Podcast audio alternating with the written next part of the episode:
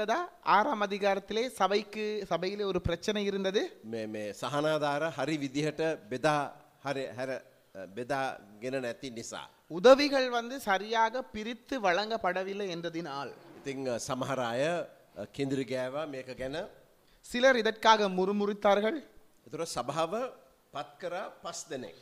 சபை அந்த நேரத்திலே ஐந்து பேரை ஏற்படுத்தியது හත් දෙනෙක් ஏழு பேர் உண்மையிலே අ, සභාව මෙ- මෙවා කරා. ඉතිං ඒගොල්ලන්ගේ සුදුසුකම් බලනකොට அவர்களுடைய தகமைகளை பார்க்கிற நேரத்திலே මේ අම්, අ, eh,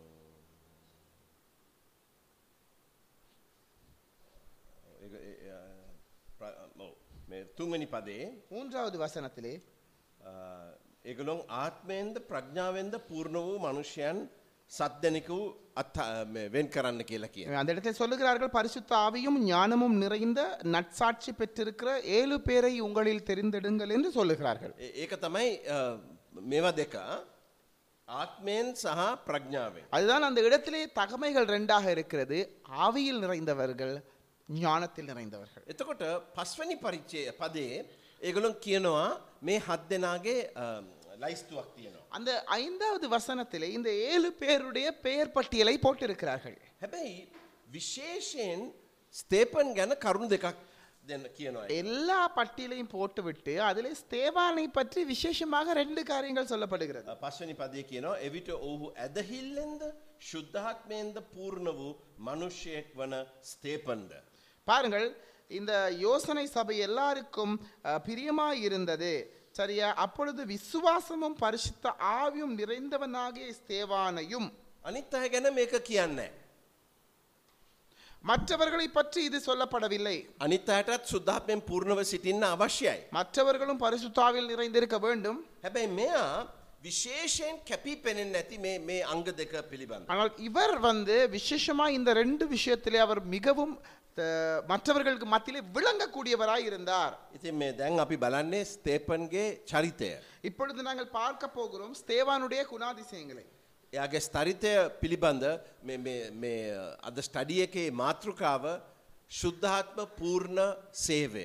இந்த இன்றைய அஹ், ஊழியத்தினுடைய தலைப்பு பரிசுத்த ஆவியினால் நிறைந்த ஊழியம் අ, ඉතිං අම්, ඉතිං යාගේ යාගේ ජීවිතයේ විශේෂ අ, දේවල් තිබෙන මේ- මේ- මේ දීමනා දෙක අ, ප- ප්‍ර- ප්‍රීති අ, මේ- මේ ඇදහිල්ල සහ ආත්මයනන්ගෙන් පිවුරණ. இந்த ரெண்டு காரியங்கள் அவருடைய வாழ்க்கையில இருந்தது விசுவாசமும் ஆவியில் நிறைந்தவனாயும் இருந்தான் අපි දන්නවා විශ්වාසය කියන්නේ හැමෝටම අත්‍යවශ්‍ය சாதකයක්. எங்களுக்கு தெரியும் வந்து விசுவாசம் என்பது எல்லோருக்குமே தேவையான ஒன்று හැබැයි පළමිනි කොරින්ති දොළහේ නමේ අපිට කියනවා සමහරයට මේක විශේෂ දීමනාවක් හැටියට තියෙනයි. எனவே எங்களுக்கு தெரியும் ஒன்று கொருந்தியர் ஆறாம் அதிகாரம் ஒன்பதாம் வசனத்திலே சிலருக்கு இது வரமாகவும் இருக்கிறது ඉති ඔහුගේ අවටලයින් එක නැති සමන් කියන්න මේක මේ ඔහුගේ චරිත ලක්ෂණවල බලනකොට ඉස්සල්ලා පේන්නේ යා අ, ඇදහිල්ලෙන් පූර්ණ පුද්ගලයෙක් කිය. எனவே அவருடைய குணாதிசையை பார்க்கும் பொழுது அப்படிப்பட்டவர்கள் இதிலே பாருங்க இந்த இடத்துல இருக்கிற அவனும் விசுவாசத்தில் நிறைந்தவனாய் இருந்தான் දැන් ස්තේපන් පුරෝගාමියෙක්.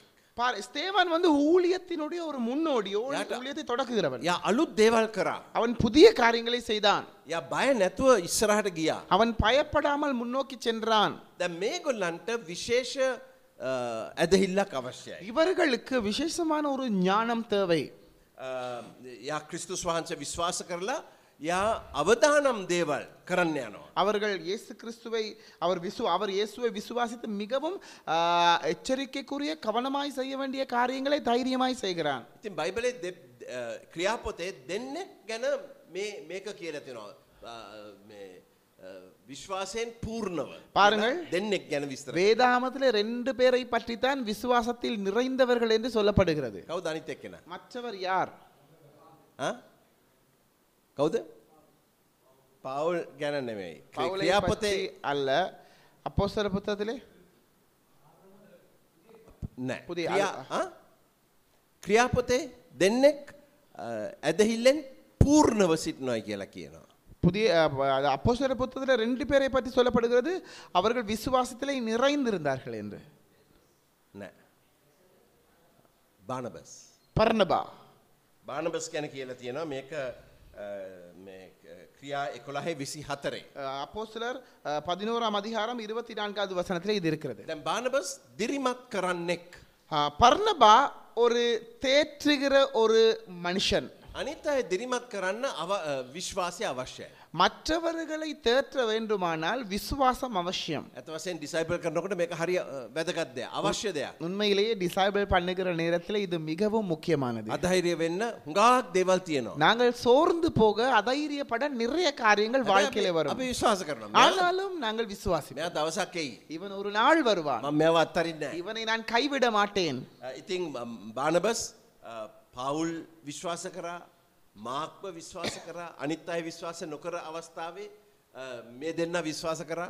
பவுல் பாருங்கள் அஹ், பர்னபாவை பாருங்கள் அவன் மாட்குயை விசுவாசித்தான் அஹ், பவுலை விசுவாசித்தான் மற்றவர்கள் அவர்களை நம்பாத சூழ்நிலையிலும் අන්තියෝකයට ගෑම අලුත් සභාවක් ඇබැයි දෙවන් වන්සේකලුන් ආශිර්වාද කරන්න යනයි කියලා ය විශ්වාස. பாருங்கள் அந்தியோகியாக்கு செல்லுகிற நேரத்தில் புதிய ஒரு சபை ஆண்டவர் அந்த சபையை ஆசிர்வதிக்க போகிறார் என்று அதையும் விசுவாசித்தான் ඉතිං අපිට මේ අපි මිනිස්සුන් දිරිමත් කරන්න විශ්වාසය අවශ්‍යය. எனவே நாங்கள் மற்றவர்களை உற்சாகப்படுத்துகிறவர்கள் தான் எனவே எங்களுக்கு விசுவாசத்தில் நிறைந்த வாழ்க்கை மிகவும் முக்கியம் හැබැයි මෙතන අ, ස්තේපන්ගේ විශ්- විශ්- එයා විශ්වාස කරේ යා දෙවියන් සුභාරංචයේ අංගයන් සමහරක් විශ්වාස කල්ලා ඉස්සරහට ගියා. எனவே பாருங்கள் இந்த இடத்துல ஸ்தேவானுடைய விசுவாசம் என்னவென்றால் நற்செய்தியின் அங்கங்களை நம்பி முன்னோக்கி சென்றான் යාට තේරුණා සභාවට අ, මේ- මේ- මේ- මේ දේවමාලිකා අවශ්‍ය නෑ කියලා. அவருக்கு விளங்கியது සබைக்கு கட்டிடங்கள் முக்கியம் இல்லை ඒ කාලේ මේක විප්ලවවාදී අදහස. பாருங்கள் அந்த காலத்திலே இது ஒரு புரட்சிகரமான சிந்தனை අනිත් අය මේව ගැන කතා කරෙන. மற்றவர்கள் இதை பற்றி கதைக்கவில்லை තේපන්ට තේරුණා. ஸ்தேவானுக்கு விளங்கியது ඒ මාර්ගයෙන් යා සභාව අලුත් මාර්ගයක ගෙනි. அந்த வழியிலே சபையை அவன் புதிய ஒரு போக்கிலே கொண்டு சென்றான் ඉති මේක අපිට අ- අපි අපේ ස්- සභාව වයසියක අලුත් පැතිවලට ගෙනියන්න විශ්වාසය අවශ්‍යයි. எனவே எங்களுடைய புதிய சபை புதிய நிகழ்கால சபையை வேறொரு கோணத்துக்கு சொ- கொண்டு செல்ல வைஎஃப்சிக்கு விசுவாசம் என்ற வரம் அவசியம் දැ මට මේ විශ්- මේ දීමනාව නෑ. எனக்கு இந்த வரம் இல்லை ඉතින් මම දන්නවා නායකෙක් හැටම වයිසිකේ නායකය හැටින්නකොට අනිත් අය මත යැපෙන්න ඕනේ අලුත් දේවල් කරන්න. எனவே எனக்கு வைஎஃப்சின் தலைவனாக எனக்கு தெரியும் நான் மற்றவர்களில் சில நேரம் தங்கி இருக்க வேண்டும் மற்றவர்களை நாங்கள் நம்ப வேண்டும் புதிய காரியங்களை செய்ய දැන් ඒඩ්‍රෙන්ඩි විසේ වගේ. ஏட்ரியன் டிவிசர் அப்படிப்பட்டவர் தான் යාට අලුත් අදහස් තියෙනවා. அவருக்கு புதிய சிந்தனைகள் இருக்கிறது සමහර න- නිතර මං යට පොඩි දෙයක් කිව්වා. நான் අடிக்கடி ஒரு சின்ன காரியத்தை சொல்லுவேன் அவருக்கு යා ඒක අරගෙන හිතලා හිතලා හිතලා අලුත් ක්‍රමයක් හොයාගත්තා ඒක ඉෂ්ට කරන්න. அவர் சின்ன ஒரு விஷயத்தை எடுத்து யோசிச்சு யோசிச்சு யோசித்து புதிய முறைகளை கண்டுபிடித்து பெரிய காரியங்களை செய்தார் ඉතින් අපිට මේ දීමනාව නැත්තං අපි අනිත් අයට උදව් කරන්න ඕනේ ඒගොලන්ගේ අල- අලුත් අදහස් අරගෙන ඉස්සරහට යන්න. எமக்கு இந்த வரங்கள் இல்லாவிட்டால் நாங்கள் மற்றவர்களை உற்சாகப்படுத்த வேண்டும் புதிய சிந்தனைகளை எடுத்துக்கொண்டு முன்னோக்கி செல்ல ඉතින් මේ- මේ වගේ මේ වගේ මිනිස්සු ඉන්න එක හරි වැදගත්. இப்படிப்பட்ட மனிதர்கள் இருப்பது மிகவும் முக்கியம் මේ විශ්වාසය වෙන විදිහට වෙන වෙන විදිහට ප්‍රකාශ වෙනවා. இந்த விசுவாசமானது வேறு வேறு வழிகளிலே வெளிப்படும் දැන් ඒඩ්‍රියන්ගේ විශේෂත්වය තිබෙන ලොකූ වැඩ සටහන් ප්ලෑන් කරලා කෝමහරියක ක්‍රියාත්මකට ක්‍රියාත්ම කරනවා. ஏட்ரியன் டிவிசருடைய விசேஷம் என்னவென்றால் அவர் பெரிய பெரிய நிகழ்ச்சிகளை பெரிதாக எடுத்து பாரிய அளவிலே திட்டமிட்டு செய்யக்கூடியவர் යා බයනෑ அவர் பயப்பட மாட்டார் තවයි කෙනෙ හිටිය වයසික இன்- සූරි විලියන. இன்னும் ஒரு ஒரு வயசுல இருந்தால் சூரி வில்லியம்ஸ் අපි රැලිය එකක් කරනවා නම් සූරි විලියම්ස් බයෙන් ටයිලට් යනවා. அஹ், நாங்கள் ஒரு ரலி செய்தால் சூரிய வில்லியமுக்கு பயம் வரும் பயத்திலே அவர் டாய்லெட்டுக்கு போய் விடுவார் ඒකට විශ්වාසය තිබුණෑ. அதற்கு விசுவாசம் இருக்கவில்லை හැබැයි අමාරු තැනක අවුරුදු පහළුවක් වැඩ කරන්න බය නැතුව විශ්වාසයෙන් යගිය. ஆனால் கஷ்டமான இடத்திலே பதினைந்து வருடங்கள் பணி செய்வதற்காக விசுவாசம் அதிலே இருந்தது அவர் அதற்காக போனார் ඒ சூரிய කාලේ ඉන්ද්‍රියන් අය යන්නෙම නෑ යාපනට යා බය යන්න. வில்லியம். ஆனால் அந்த காலத்திலே ஏட்ரியன் அண்ணா யாழ்ப்பாணத்துக்கு போகவே மாட்டார் பயம் ඉති මේ වගේ විශ්වාසය අවශ්‍යයි අ, අ, දෙවියන් වහන්සේගේ විශේෂ කැඳවීමක් තියෙනනම් එක් කරන්න. எனவே இப்படியான விசுவாசம் மிகவும் அவசியம் ஆண்டவருடைய விசேஷமான ஒரு அழைப்பு கிடைத்தால் அதை செய்ய සභා ඉතිහාසයේ ස්- සභාව නිතර ඉස්සරහට ගියේ සමහර අයට මේ වගේ දර්ශන ලැබිලා ඒවා අත්හැරිය නෑ. சபை சரித்திரத்திலே சபை முன்னோக்கி சென்றது சிலருக்கு இப்படியான அஹ், அந்த தரிசனங்கள் கிடைத்தது அவர்கள் கைவிடவில்லை අනිත් අය මේගොල්ලන්ට දිරිමත් කරන්න තියෙනවා. மற்றவர்கள் அவர்களை உற்சாகப்படுத்த வேண்டியிருக்கிறது ඔකුණ අහල තියෙනද හත්සන් ටේල කියන நீங்கள் கேள்விப்பட்டிருக்கிறீர்கள் அட்சன் டேலரை பற்றி එය සභාවේ වීරේ. அவர் ஒரு சபையிலே ஒரு வீரன் என்று சொல்லலாம் එයා මේ චීනයට සුභාරංචිය ගෙනනිච්ච. அவர் சீனாவுக்கு நற்செய்தியை கொண்டு போனார் හැබැ යා සුභ චීනයට ගියාම අනිත් අය වගේ නෙමෙයියා. ஆனாலும் அவர் சீனாவுக்கு போனது உடனே அவர் வந்து மற்றவர்களைப் போல அல்ல චීන ඇඳුම් ඇන්ද அவர் சீன நாட்டின் உடைகள் உ- அணிந்தார் කොන්්ඩේ රවුල චීනය කෙනෙක් වගේ. அவருடைய தலைமயிரும் தாடியும் கூட சீனாவை சேர்ந்த ஒருவரைப் போல ඉතින් අනිත් මිෂනාරිවරු යාව යා ළඟට ගියන. மற்ற மிஷனரிகள் அவருக்கு கிட்ட கூட போகவில்லை එංගලන්තේ අ, ඒ එයා වැඩකරපු පලාත එංගලන්තයට එයට තිබුණ පලාතා. அவர் உண்மையிலேயே பணி செய்த அந்த முதலாவது பொறுப்பாக இருந்த பிரதேசம் இங்கிலாந்து பிரதேசம் ති මෙයාත් දැක්ක මේ මෙමිනි මොනා කරනවා චීනයෙක් වගේ හැසිරෙන හැසිරෙනවා කියලා ඔය තානාපතිය එංගලන්තේ තානාපතිය යට තහනම් කරා එංගලන්තේ යටත කොටස්වල අ, උපස්ථාන කරනවා. எனவே அந்த இங்கிலாந்து அந்த நேரத்தில் இங்கிலாந்தில் இருந்த ஸ்தானாதிபதி இவர் இ- சீன நாட்டில் உள்ள ஒருவரை போல உடைகளை அணிந்து இருக்கிறபடியால் அவருக்கு விருப்பமே இல்லை அவர் சொன்னார் இந்த இங்கிலாந்துக்குள்ளே அவருடைய பணிகளை செய்யக்கூடாது என்று தடை விதித்தார் ඉති මේක ඇක්ල් ඇතවසේ මේක උනේ අවුරුද් එයාට ගිහිල්ල අවුරුද් දෙකට පස්ස. உண்மையில் இது நடந்தது அவர் அந்த பணிக்காக சென்று ரெண்டு வருடங்களுக்கு பிறகு එතොට එයාගේ බඳින්න හිටපු ගැහනුවෙක් කෙනා பாருங்கள் அவர் திருமணமாக இருந்த அந்த காதலித்த காதலி යට ලියලා කිව්වා අනේ මං හිතන්නේ මං බැට ප්‍රේම කරන්න කියලා යා කැඩවා එන්ගේස්වන් அவள் அஹ், ஒரு கடிதத்தை எழுதி அஹ், சொன்னா ஐயோ நான் வந்து உண்மையில உங்களை எனக்கு விருப்பமே இல்லை உங்களை நான் கா- இப்ப விரும்பவில்லை அன்பு செய்யவில்லை சொல்லி அந்த செய்த ஒப்பந்தத்தை கூட உடைத்து விட்டாள் ඒ වෙලාවෙම යා මේ- මේ- මේ වැඩ කරන මේ- මේ සභාව එකන යවපු අ, මිෂනාරි සංවිධානය ලියලා කිව්වා අපිට සල්ලි නෑ වැට එවන්න. அந்த செய்தி கேட்ட வேதனையான நிலைமையிலேயே ஒரு கடிதம் வந்தது அவருக்கு மிஷனரி பணிக்காக உதவி செய்த நிறுவனம் சொன்னது எங்களுக்கு இடத்துல பணம் இல்லை உங்களுக்கு தொடர்ந்தும் பணி செய்ய உதவி செய்ய මේ හතර ආවේ එක පාර. இந்த நாலு சம்பவங்களும் வந்தது ஒரே ඉතින් அடியாக එයා අම්මට ලිව්වා அவருடைய அம்மாக்கு எழுதினார் මගේ හදවත දුකයි දුකයි දුකයි මන් දන්න මොනා කරන්නද. என்னுடைய இருதயம் துக்கத்தில் துக்கத்தில் துக்கத்தில் இருக்கிறது என்ன செய்ய போகிறேன் என்று எனக்கு தெரியாது ඒ කාලේ அந்த காலத்திலே ස්කොට්ලන්තයෙන් ආපු ටිකක් වයසක මිෂනරි කෙනෙක් යව ගත්තයා යටත. ஸ்காட்லாந்தில் இருந்து வந்த ஒரு வயதான மிஷனரி ஒருவர் இந்த அட்சன் திலரை அவருக்கு கீழே பணி செய்ய எடுத்துக்கொண்டார் යාත්තක මාස ගානක් ඒ- ඒ දෙන්න එකට ගමන් කර. அவரோடு கூட எத்தனையோ மாத கணக்காக இருவரும் பயணம் செய்து பணி செய்தார்கள் එයාගේ ජීවිත කතා ලියපු එකලොන් කියනවා මෙයා නිසා තමයි. මෙයා නැත්තං මෙයා නිකාං අන්තවාදියෙක් වෙනවා. அஹ், உண்மையிலே அவருடைய அந்த வாழ்க்கை கதையை சரித்திரத்தை எழுதியவர்கள் சொல்லுகிறார்கள் அந்த வயதான மிஷனரியின் நிமித்தமாகத்தான் இவ்வளவு பெரிய பணி செய்தார் அவர் இல்லாவிட்டால் அவர் ஒரு ஒரு ஒரு ஒரு ஒரு ஒரு ஒரு ஒரு ஒரு ஒரு தொங்கலான நம்பிக்கையுடைய ஒரு ஆ- ஆ- நபராக இருந்திருப்பார் සමහර අලුත් දේවල් කරන අය ඔක්කෝම් ප්‍රතික්ෂේප කරන නිසා ඒගලොන් තනි තනියෙන් වැඩ කරන්න ගිහිල්ලා අන්තවාදියෝ. அஹ், பொதுவாக இப்படித்தான் நடக்கும் தனிமையிலே பணி செய்கிறவர்களுக்கு எல்லோரும் எதிர்ப்பு தெரிகிற நே தெரிவிக்கிற நேரத்தில் அவரில் ஒரு தனி சிந்தனையை கொண்டு வந்து ஒரு தனி சிந்தனைவாதியாக முற்போக்கு சிந்தனை உடையவராக மாடி வருவார் මේ වගේ ඇය වයිෆ්සයකට හරි අ, වටිනවා. எனவே இப்படியானவர்கள் YFCக்கு மிகவும் தேவையானவர்கள் අපි හැම්බෙලාම අලුත් දෙවල් කර කර යන්නේ. நாங்கள் எப்பொழுதுமே புதிய காரியங்களை செய்து கொண்டு தான் போகிறோம் ඉතින් ඒ වගේ ඇය ඉන්නවා නම් ඒගොලන්ට අපි රුකුලක් දෙන්න ඕනේ. எனவே இப்படி දිරිමත් කරන්න ඕනේ. இப்படிப்பட்டவர்கள் இருந்தால் அவர்களை நாங்கள் உற்சாகப்படுத்த வேண்டும் ඉතින් ඒක තමයි පළවෙනි දේ. යා இதுதான் முதலாவது காரியம் යා ඇදහිල්ලෙන් ස්පූර්ණ පුද්ගලයෙක්. அவர் அஹ், ஆவியிலே நிறைந்த விசுவாசத்திலே நிறைந்த ஒரு மனுஷன் දෙවැනි එක ரெண்டாவது යා ආත්මයෙන් සහ බලයෙන් පූර්ණ කෙනෙක්. அது மட்டுமல்ல அவன் வந்து பரிசுத்த ஆவி நிறைந்தவனும் வல்லமை நிறைந்த அவருடைய நிறைவை நிறைந்தவனுமா இருந்தான் අපි කිව්වා හැමෝටම හැමෝම ගැන කිව්වා ආත්මයෙන් පූර්ණව විය යුතුයි කියලා. நான் சொன்னேன் அந்த எல்லோருமே ආවිயில் நிறைந்திருக்க வேண்டும் என்று ඒ තුන්වෙනි පදය. அது மூன்றாவது அஹ், வசனம் හැබැයි පස්වෙනි පදේ යාම විශේෂයෙන් කැපි පෙනුණයි කියලා විස්තර කරනවා. ஆனால் பாருங்க ஐந்தாம் அதிகாரத்திலே அவன் மற்றவர்களை பார்க்கிலும் துண்டாக பிரித்து காட்டக்கூடிய விதத்திலே அது காணப்பட்டது அவனிடத்திலே දැන් ස්තේපන් ගැන දෙප- අ, මෙ- මෙ- මේ, අ, අ, අ, ක්‍රියාපතේ.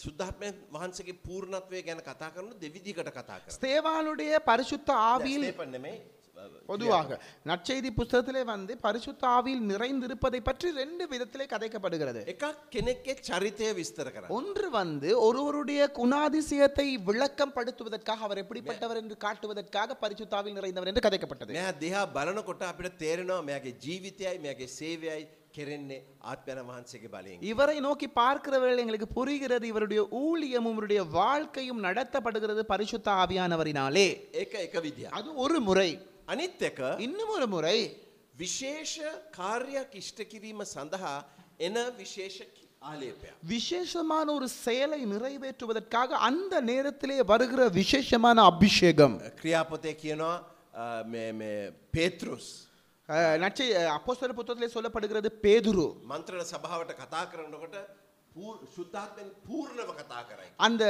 எருசலேம் அந்த கு- சபையினருக்கு மத்தியிலே கதைக்கிற நேரத்திலே பரிசுத்த ஆவியில் நிறைந்து பேசினான் හත්වනි පරිච්චේදය පරිච්චේදය කියනවා පේ- අ, මේ ස්තේපන් මැරෙන්න ඉස්සල්ලා එ- එයට ගහනකොට යා ශුද්ධා මරණයට ශුද්ධාත්මන වංචක පූර්ණය පූර්ණත්වයක් දැක්ක. ஏழாவது வசனம் சொல்லுகிறது ஸ்தேவானை அடித்து அவன் சாகிற நேரத்திலே சாவதற்காக பரிசுத்த ஆவியானவராலே நிறைந்திருந்தான் දහතුන්වෙනි පරිච්චේදේ පවුල් අ, එලිමස්ට තරවටු කරනකොට තරවටු කිරීමට ශුද්ධාත්මන වහන්සගේ පූර්ණ. பதிமூன்றாவது அதிகாரத்திலே பவுல் எலிமா என்கிற நபரை கடிந்து கொள்வதற்காக பரிசுத்த ஆவியில் நிறைந்து கடிந்து கொள்ளுகிறான் ඉතින් අපි සේවයක් කරනකොට ඒ සේවයට අපේ ආත්- ආලේපය අවශ්‍යයි. எனவே நாம் ஒரு ஊழியம் செய்கிற நேரத்தில் அந்த ஊழியத்துக்கு ஒரு அபிஷேகம் தேவை අ, මේ ප- අ, පවුල් මේ අරයට බැන්න වගේ අපිත් ළමයින්ට බැනින් බනිනකොට ආත්මන වහන්සකෙන් පූර්ණව තමයි බනින්න තියෙන්නේ. பவுல் அந்த நபருக்கு ஏசுகிற நேரத்திலே நாங்களும் எங்களுடைய நபர்களுக்கு பிள்ளைகளுக்கு ஏசுகிற வேலை நேரத்திலே ஆவியில் நிறைந்துதான் ஏச வேண்டும் ඉතින් ස්තේපන් ගැන මේ දෙකම තියෙනවා. சேவானை குறித்து இது ரெண்டுமே இருக்கிறது යාගේ චරිතයයි அவனுடைய நடத்தையும் යාගේ සේවය. அவனுடைய ஊழியமும் යා යා, මේ සේවයට අවශ්‍ය ආලේපය. ஊழியத்துக்கு தேவையான அபிஷேகமும் ඉතිං අ, එ- එ- එතන කියනවා අ, අටවෙනි පදේ அந்த இடத்திலே சொல்லப்படுகிறது எட்டாவது வசனம் ස්තේපන් ஸ்தேவான் අනුග්‍රහයෙන්ද බලයෙන්ද පූර්ණව පුදුමද හාස්කම්ද සෙනගාතරේ සිදු කළේය. ஸ்தேவான் விசுவாசத்தினாலும் வல்லமையினாலும் நிறைந்தவனாய் ஜனங்களுக்குள்ளே பெரிய அற்புதங்களையும் அடையாளங்களையும் செய்தான் මෙන්න මෙ- මේක අර විශ්වාසය තව අංගයක්. பாருங்கள் விசுவாசத்தின் இன்னொரு அங்கம் இதுதான் සමහර අයට තියෙනවා විශ්වාසය කියන්න නැගිතින්න. பாருங்கள் சிலருக்கு இருக்கிறது விசுவாசம் எழுந்திருங்கள் என்று சொல்ல මට ම- මට ස- ම- ම- මොකද ර- රන් රිදී නෑ නමුත් ඒසුස් වහන්සගේ නාමෙන් මම ඔබට කියනවා නැගිතින්න කිය. என்னிலே பொன்னும் வெள்ளியும் இல்லை ஆனால் இயேசுவின் நாமத்தினாலே உனக்கு சொல்லுகிறேன் இயேசுவின் நாமத்தினாலே எழுந்திரு ඉතිං ඒ දෙවියන් වහන්සේගෙන් එන විශේෂ දීමනාව. அது தேவனிடத்திலிருந்து வருகிற விசேஷமான ஒரு வரம் අපි හැමෝම යාඥා කරනවා අම්, අසනීපව වෙලා ඉන්නකොට අපි අපි යාඥා කරන්න තියෙනවා. நாங்கள் எல்லோரும் சுகயினமா இருக்கிற நேரத்துல ஜெபம் பண்ண வேண்டி இருக்கிறது අපි විශ්වාස කරන්න ඕනේ දෙවන් වහන්සේ සුවය දෙනවයි කිය. நாங்கள் விசுவாசிக்க வேண்டும் ஆண்டவர் சுகத்தை கொடுப்பார் என்று හැබැයි අර සමහර අයට තියෙනවා විශේෂ ඇදහිල්ලක් ඒගොල්ලන් යාඥා කරනවා විතරක් නෙමෙයි ඒගොල්ලෝ කියන නැගිටින්න කියලා. ஆனாலும் சிலருக்கு இருக்கிறது விசுவாசம் அவர்கள் ஜெபிப்பது மட்டுமல்ல அவர்கள் சொல்வார்கள் எழுந்திருங்கள் என்று ඇවිදින්න බැරි මිනිස්සුන්ට කියන ඇවිල්ලා නැගිටලා ඇවිදි- ඇවිදින්න நடக்க කියලා. முடியாதவர்களுக்கு சொல்வார்கள் எழும்பி நட என்று ඉතින් මේක දේව රාජ්‍ය දෙවන් වහන්සේගේ ශරීරයේ මේ දීමනා තියෙන අය සිටිය යුතුයි. எனவே ஆண்டவருடைய சரீரத்திலே இப்படியான வரங்கள் இருக்கிறவர்கள் இருக்க வேண்டும் මගේ දැන අපේ වයසේ එකේ ඒ වගේ කෙනෙක් ඉන්නවා නම් අපි කියන අයෝ ස්වාමිනී මෙයාව වෙන දරකට ගෙනියන්න. எங்களோட வயசுல இப்படி ஒருத்தரை கண்டு ஐயோ ஆண்டவரை வேற இடத்துக்கு கொண்டு போங்க என்று நாங்கள் சொல்லுவோம் අපි බයිබලට යටත් වෙන්න බයයි. நாங்கள் வேதாகமத்துக்கு கீழ்ப்படியே கொஞ்சம் பயம் අපි යාඥා කරන්න ඕනේ මේ වගේ දේවල්. අපි දන්නවා හුඟක් අය ක්‍රිස්තුස් වහන්සේ වෙතට එන්නේ මේ වගේ දේවල් දැකලා. ஆனால் நாங்கள் ஜெபிக்க வேண்டும் இப்படிப்பட்டவர்கள் எங்களுக்குள்ளே வர இருக்கு ஏனென்றால் நிறைய பேர் இயேசு அண்டைக்கு வருவது இவையா இப்படியான அற்புதங்களை கண்டு ඉතින් අපිත් යාඥා කරන්න ඕනේ දෙවියන් වහන්සේ මේ වගේ දීමනා අපි අ- අපි හතරත් අ, මේ ප්‍රකාශ කරයි කිය. எனவே நாங்கள் ஜெபிக்க வேண்டும் இப்படியான வரங்கள் உடையவர்கள் எங்கள் மத்தியிலேயும் வெளிப்பட வேண்டும் என்று හොඳ ඉතින් යා මේ සේවය කරනවා. எனவே இவர் ஊழியம் செய்கிறார் දහවැනි පදය කියනවා. பத்தாவது வசனம் சொல்லுகிறது අ, ඔ- ඔහු ප්‍රඥාවෙන්ද ආත්මයානන්ගෙන්ද ආත්මයනන් කරනකොටගෙන අ, මේ කළ කතාවේ බලයට විරුද්ධව සිටින්ට ඔවුන්ට නොහැකිවේ. அவன் பேசின ஞானத்தையும் ஆவியையும் எதிர்த்து நிற்க அவர்களால் கூடாமல் போயிற்று දැක දෙකම.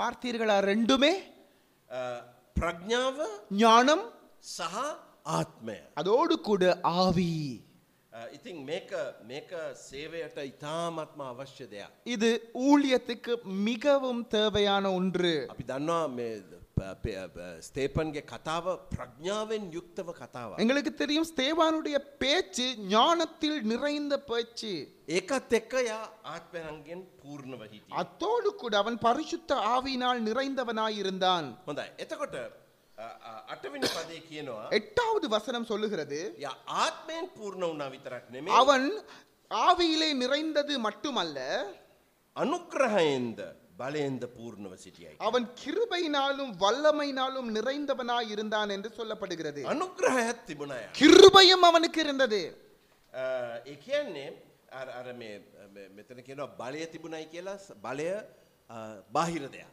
பாருங்கள் இந்த බාහිර இடத்திலே ප්‍රකාශ වෙන දෙයක්. வல்லமை என்று சொல்லப்படுகிறது வல்லமை என்பது வெளிப்படையாக விளங்குகிற விலங்கு காணக்கூடிய ஒன்று අනුග්‍රහය අභ්‍යන්තර දෙයක්. கிருபை என்பது உள்ளான ஒரு விடயம் தமிழ்லக்கேனே ඈ? දෙමළ බයිබලේන මොකක්ද? අනුග්‍රහ වචනය මොකක්ද තියෙන වචන බලය විතරයි දැන්. බලය විතරයි දැන්. කියවන්න එක අටනේ ඔව්. ஸ்தேவான் விசுவாசத்தினாலும் வல்லமையினாலும் நிறைந்தவனால் ஜனங்களுக்குள்ளே பெரிய அற்புதங்கள் அடையாளம் செய்தான் சரி, பலேன் ஹதையிலும் பேர்ல வித்தரேன் அட்ட අට සිංහලේ තියෙනවා ඕ පැමිලන පුදුමයි கிருபை இல்லை தமிழ்ல ඉතින් මෙයා මේ- මේ බල- බලය අයිබස් බයිබලේ என்ன கேட்கிறோம் ඇත්ත වසයෙන් මේ බයිබලේ ජාතියන්තරව ඒගොලොන් සලකනවා ඉතාමත්ම හොඳ බයිබලයක් உண்மையிலே இந்த வேதாகமத்தை அஹ், இ- சர்வதேச வேதாகம் என்று சொல்லுகிறார்கள் හැබැයි අපේ මිනිස්සු පුරුදු වෙලා තියෙන පරණ බයිබලයකට ඉතින් මේක பாවිච්චි කරන්න இங்கடாக்கள் பழைய பழகி இருப்பது பழைய வேதாகம் என அதை பயன்படுத்துகிறார் දැන අපරාධය ඒක நான் நினைக்கிற அநியாயம் දැන් අයිසරයක් අලුතෙන් ඉන්දියාවෙන් කරනවා ඒකලො. மறுபடியும் அஹ், இந்தியாவிலிருந்து அதை ச- சரி செய்கிறார் ගැන ඉන්දියාවයට තේරුණා මේක තමයි හොඳම ටැමිල් බයිබල්ලක් කියලා ඉතින් ඒකලොන් අරගෙන අ, ටිකක් එහෙම මෙහෙන් වෙනස් කරලා ඒක අලුතෙන් අ, නිකුත් කරන්න බලන. இந்த வேதாகமத்தை பார்த்து இந்தியாவில் உள்ளவர்களுக்கு விளங்கியது இதுதான் சரியான வேதாகம் என்று எனவே அப்படி இப்படி மாற்றி அதை அவர்களுடைய பாணியிலே செய்கிறார்கள் හොඳ ஆ? இந்தியாவின் ஆவலான் பெரிய அணியில் மினிசு සමහරට ඔ එක වෙන්න පුළුවන්. ஏகி புரோகிராம் இவ்வளவு அம்மா காலை கொடை. ඔවෝ මෙයා මෙයාගේ අම්ම තමයි ඔකුන්ගාක් කරේ. கிளமண்ட் அம்மா தான் அந்த கிளமண்ட் பைபிளுக்கு அம்மா. ஓ. அதிக நாட்கள் செலவழிச்சாங்க ඉතිං ඇතවසෙන් අපේ කමිටිය සිංහල කමිටුවේ ඉන්නවා ක්‍රිස්ටියම් ෆලිශිප් සැන්ටර එකේ පාස්ට නෙවිල්. அப்போ எங்களுடைய அந்த எங்களோட சிங்கள அந்த கமிட்டியில் இருக்காங்க வந்து கிறிஸ்டியன் ஃபெலோஷிப் சென்டரில் இருக்கிற பாஸ்டர் நெவில் නම නම හොඳ නැති වුණාට පුද්ගලය හොඳයි.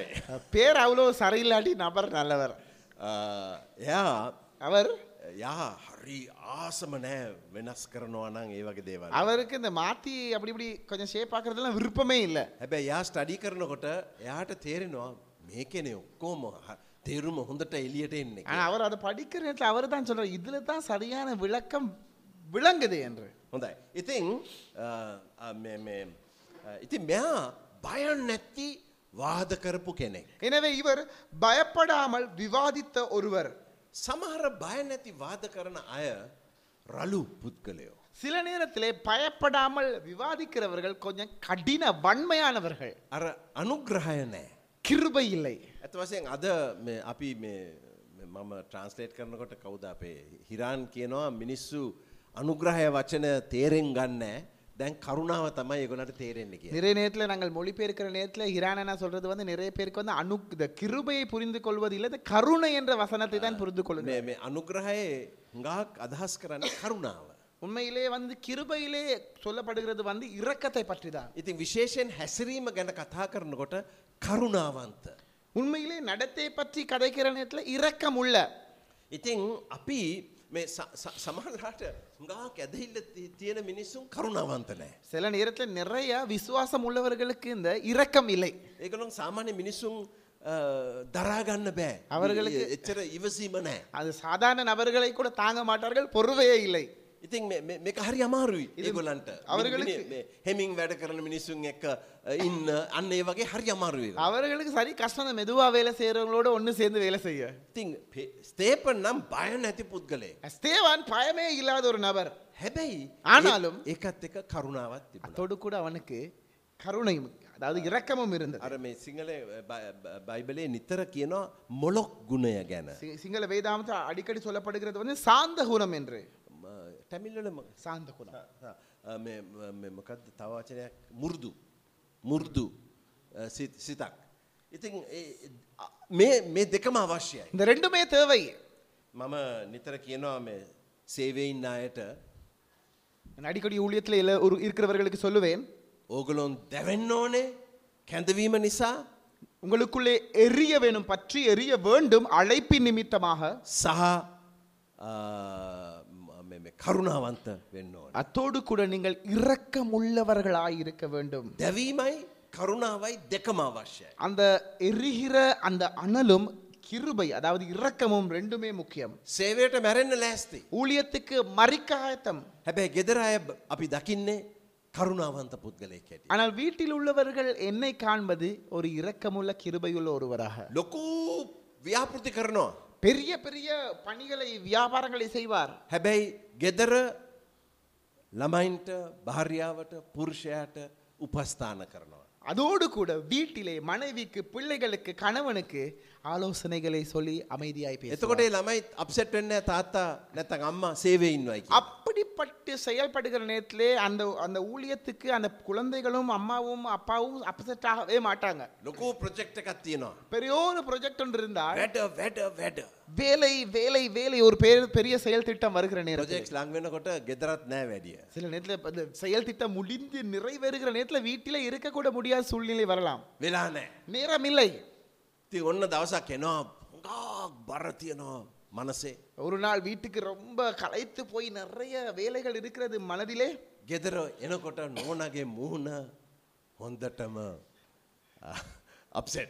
வீட்டுக்கு வர நேரத்தில் மனைவியினுடைய முகம் அவ்வளவு அப்செட்டாக இருக்கிறது එතකොට ඒ- එයාගේ මූුණ දකින්නකොට ඉස්සල්ලම කියන යූ අද අද මේ වගේ වෙ- වෙන්නද උන වනේ මොකද කිය. அந்த முகத்தை கண்டோன்னே யோசி இன்னைக்கு பார்த்தா இவட முகம் இப்படி இருக்க வேணும் හැබැයි ප්‍රේමය කරුණාවන්තයි. ஆனால் අන්பு வந்து இரக்கம் உள்ளது යට බනින්න அவரை திட்டமாட்டோம் මොකක්ද ප්‍රශ්නය කියලා என்ன பிரச்சனை என்று கேட்போம் ඒ වගේ ප්‍රශ්න හනකොට සමහර වෙලාට අපි දන්නවා පැය දෙකක් කතා කරන්න වෙන. அப்படியான பிரச்சனைகள் என்னன்னு கேட்க போனா ரெண்டு அவராவது கதைக்க வேண்டியிருக்கும் ඉතින් කරුණාවන්ත නිසා මේ මහන්සියෙන් නිදා වැටි වැටි පැය දෙකක් කතා කර. எனவே இந்த இரக்கம் இருக்கிறபடியால் களைப்போடு கூட தூங்கி விழுந்து விழுந்து ரெண்டு மணித்தியாலும் பேசுவோம் ප්‍රඥාව බලය සහ අනුග්‍රහය. ஞானம் வல்லமை கிருபை හොඳයි.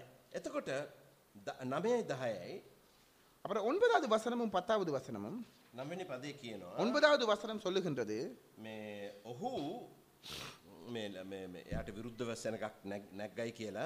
அதில் சொல்லப்படுகிறது அவனுக்கு விரோதமாக ஒரு ஜனக்கூட்டம் எழும்பினார்கள் என்று එතකොට අම්, ස්තේපන් සමග විවාද කරයි කියලා அவர்கள் ஸ்தேவானோடு விவாதித்தார்கள் என்று சொல்லப்படுகிறது මේ බලන්න කණ්ඩායම විස්තර කරන්න තියෙන්නේ ලිබර්තීනියන්ගේ සිනගෝග කියන සිනගෝගයට අයිති වුන්ගෙන් කිරේනියයන්ගෙන්ද අලෙක්සන්ද්‍රියන්ගෙන්ද අ, කිලිකිය යන ආසියාවේ ඔව්, වැසියන්ද සමහරෙක් නැගිට ස්තේපන් සමග විවාද කළ அப்பொழுது லிபர்த்தீனர் எனப்பட்டவர்களின் ஆலயத்தை சேர்ந்தவர்களின் ஸ்ரேனே பட்டணத்தாரிலும் அலெக்சாந்திரியா பட்டணத்தாரிலும் சி- சிசிலியா நாட்டிலும் ஆசியா தேசத்தாலும் சிலர் எழும்பி ஸ்தேவானுடனே தர்க்கம் பண்ணினார்கள் ටැමිල්ල එක තියෙන්නේ ලිබර්තිනියන්ද லிபர்த்தீனர் අ- අලුත් එක එක කොහොමද කියන්නේ. ට- ටැමිල් සිංහල ලිබර්තීනියන් නෑ ඉට ඉසල්ලා මොන සිනගෝගයද කියන්න யுத சினகோகே சாமாஜிகங்கினா மேவகி கட்டி අර නිදහස් නිදහස් කියලා අදහසක් නැද්ද தேனாலும் අර නිදහස ලැබූ යුදෙවරු ස්වාධීන ස්වාධීනය. මේ අලුත් එකේ ඔව් මේ ලිබර්ටි දන්නවනේ ඉංග්‍රීසියෙන් තියෙන්නේ ලිබර්ටි කියන වචනේ ලිබර්ටි කියන්නේ නිදහස. ඉතින් මේ- මේගොල්ලොන් මේ ලිබර්ටිනියන්ගෙන් කියන්නේ නිදහස லැබුණු කට්ටිය. இந்தஇடத்துல லிபர் தீரன் சொல்லப்படுகிற நேரத்தில் அவர்கள் விடுதலை சுதந்திரம் பெற்ற மக்கள் ඉස්සර ඒගොල්ලොන් වහල්ලු. அவர்கள் இதற்கு முன்பதாக அடிமைகளாக இருந்தார்கள் දැන් ඒගොල්ලොන් නිදහස ලැබෙලා. இப்பொழுது அவர்கள் விடுதலையாக்கப்பட்டிருக்கிறார்கள் ඉතින් ඒගොල්ලොන් ඇවිල්ලා ඉන්නේ සයිරීන් කිරීනිය සහ ඇලෙක්සැන්ඩ්‍රියාවෙන්. அவர்கள் வந்தது வந்து இந்த ஸ்ரே- இந்த- இந்த ஸ்ரேனே அ, பட்டணம் அதே போல அலெக்சாந்திரியா ඒ பட்டணத்தில் කියන්නේ මම- ඔයගොල්ලෝ දන්නවනේ මේ යෙ- යෙරුසලමෙන් ගාකයි විසිරී ගියා. ඒතකොට ඒගොල්ලෝ වැඩුණේ අ, මේ අනිත් රටවල් වල දැන් එම් සමහර ඒගොල්ලෝ ආපහු ඇවිල්ලා යෙරුසලමට. தெரியும் எரிசலத்தில் இருந்த விசுவாசிகள் சிதறடிக்கப்பட்டார்கள் அவர்கள் வளர்ந்ததெல்லாம் வெளிப்புறங்களில் இப்பொழுது அவர்கள் மறுபடியும் அங்கே வந்திருக்கிறார்கள் ඉතින් ඒගොල්ලෝ කතා කරන්නේ ග්‍රීක භාෂාව. எனவே அவர்கள் கதைத்தது கிரேக்க மொழியிலே ඉතින් කිරීනිය සහ ඇලෙක්සැන්ඩ්‍රිය උතුරු අප්‍රිකාවේ. எனவே இது பாருங்க இந்த அலெக்சாந்திரியா இந்த அதே போல ஸ்ரேனியா நாட்டில் இருக்கிறவர்கள் வந்து வட ஆசியா வட ஆப்பிரிக்காவில் අර இருந்தவர்கள். කිලිකිය සහ ආසියා කියලා කියනවා. அந்த இடத்திலே சிலிசியா நாட்டாரிலும் ஆசியா தேசத்தாரிலும் என்று சொல்லப்படுகிறவர்கள் ඒක අද තුර්කිය. அ, இன்று அது வந்து துருக்கி நாடு සුළු ආසියාව කියලා කියන්නේ. சின்ன ஆசியா என்று சொல்வார்கள் right? ඉතිං මේකලොන් සමහරවිට ස්තේපන ඒ ඒස්- ඒ සිනගෝගයට අයිති එක් කෙනෙක් වෙන්න පුළුවන්. சில நேரத்தில் ஸ்தேவானும் அந்த அ, ஜெபாலயத்தை சேர்ந்தவனாக இருந்திருக்கலாம் කොමහරි දාය කියනවා. எப்படியாவது பத்தாவது வசனம் சொல்லுது ඔහු ඔහු ප්‍රඥාවෙන්ද ආත්මයෙන්ද කරනකොටගෙනද அவன் பேசின ஞானத்தையும் ஆவியையும் எதிர்த்து எதிர்த்து நிற்க ආ, uh, කළ කතාවේ බලයට විරුද්ධව සිටින්ට නොහැකි. அவர்களால் நிற்க கூடாமல் போயிற்று ඉතින් බලන්න අ, කරුණු දෙකක්. பாருங்கள் ரெண்டு காரியங்கள் ප්‍රඥාවෙන් සහ ආත්මය. ஞானம் ஆவி මෙතන මේ දැනුම ගින්නෙන් ඇවිල්ල තියෙන. இந்த இடத்துல பாருங்கள் அறிவு வந்திருக்கிறது அந்த அந்த ஆவியின் அனலின் எரி எரிவினால் නොලේට ෆය කියලා කියනවා. அந்த இடத்துல வந்து அறிவு ஆவியானவரின் அறிவு வந்திருக்கிறது அந்த அனலின் எரிவினால் ඉතින් සුභාරංචිය අ, අ, වචනය ඒගොල්ලගේ අ- අදාළ කරා හොන්තට එගොලගේ ජීවිතය. பாருங்கள் நற்செய்தியின் வார்த்தையை அவர்கள் நன்றாக பொருத்தி கொண்டார்கள் வாழ்க்கைக்கு ඒගොලන්ට කියන්න දෙයක් නෑ. அவர்களுக்கு சொல்ல ஒன்றுமே இருக்கவில்லை කියන්න දෙයක් නැති නිසා කරනවා යම. அவர்கள் ஒன்றும் சொல்ல இருக்காதது நிமித்தமாக ஏதாவது ஒன்றை செய்வார்கள் යමරනවා.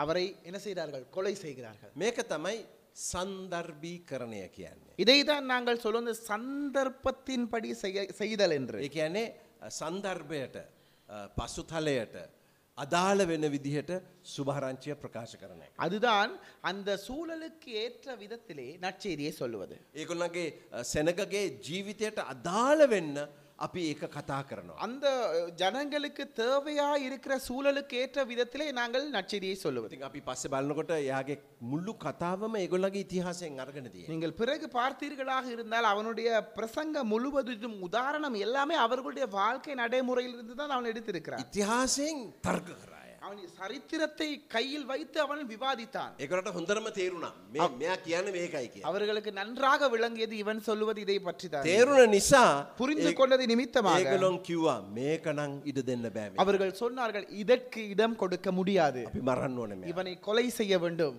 ඉතින් සව- ඉතින් අපේ සුභාරංචිය දෙනකොටත් මිනිස්සුන්ට තේරෙන්න ඕනේ. எனவே நாங்களும் நற்செய்தி சொல்லுகிற நேரத்தில் கேட்கிறவர்களுக்கு விளங்க வேண்டும் සමහර ඒගොල්ලොන් පිළිගනි සමහර ඒගොල්ලෝ ප්‍රතික්ෂේප කරනවා. சிலர் ஏற்றுக்கொள்வார்கள் சிலர் நிராகரிப்பார்கள் අනිත් අය කිය අනේ හොඳ කතාවක් නේ. மற்றவர்கள் சொல்வார்கள் நல்ல பிச- பிரசங்கம் என்று දැන් මට මේක වුණා දවසක් මං අපේ ක්ලබ් එක කතා කරනකොට இது எனக்கு நடந்தது ஒரு முறை நான் வந்து ஒரு சங்க கூட்டத்திலே பேசுகிற நேரத்திலே මට දැනගන්න ලැබුණා බුඩිස්ට් එක් කෙනෙක් හිටියයි. எனக்கு தெரிந்தது ஒரு பௌத்த ஒருவர் இருக்கிறார் என்று මං එවැන්ජලිස්ත කතාවක් දුන්නේ යොහන් තුන දාසයෙන්. நான் ஒரு நற்செய்தி பிரசங்கம் செய்தேன் யோவான் பதிமூன்றாம் அதிகாரம் பதினாறாவது வசனம் මුන්ඩ අධයාරම්. அஹ், மூன்றாம் அதிகாரம் மன்னித்துக்கொள்ள மூன்றாம் அதிகாரம் දාසයෙන් අ, එතන අ, මේ- මේ- මේ, අ, මම ස්- ඉවැන්ජලිස්ට මෙසේජ් එකක් දුන්න. அந்த இடத்திலே நான் நற்செய்தி ஒரு செய்தியை கொடுத்தேன் ඉති මීටමට පස්සේ මං හැව්වා අරයගෙන් මං දැනගත් තැම් බුඩිස්ට කෙනෙ හිටිය කියල ද මංගිහිල ඇත්ත කතා කර. அந்த ஒன்று கூடலுக்கு பிறகு நான் தெரிந்த ஒரு பௌத்த ஒருவர் வந்திருக்கிறார் நான் போய் பேசினேன் මං හැව කොහොමද මං මං කියපු දේවය මොකද හිතන්න කිය. நான் அவரிடத்தில் கேட்டேன் நான் சொன்னதை பற்றி நீங்கள் என்ன நினைக்கிறீர்கள் என்று දැක හරි හොඳයි. அவர் சொன்னார் நல்லா இருந்தது உங்களோட பேச்சு අපේ ආගමත් ඒකමයි කිය. எங்களுடைய மதமும் அதே தான் சொல்லுகிறது ඉතින් තේරිලා නෑ. அவருக்கு புரியவில்லை මම ඒගොල්ලගේ සිතට ඇතුල් වෙලා නෑ.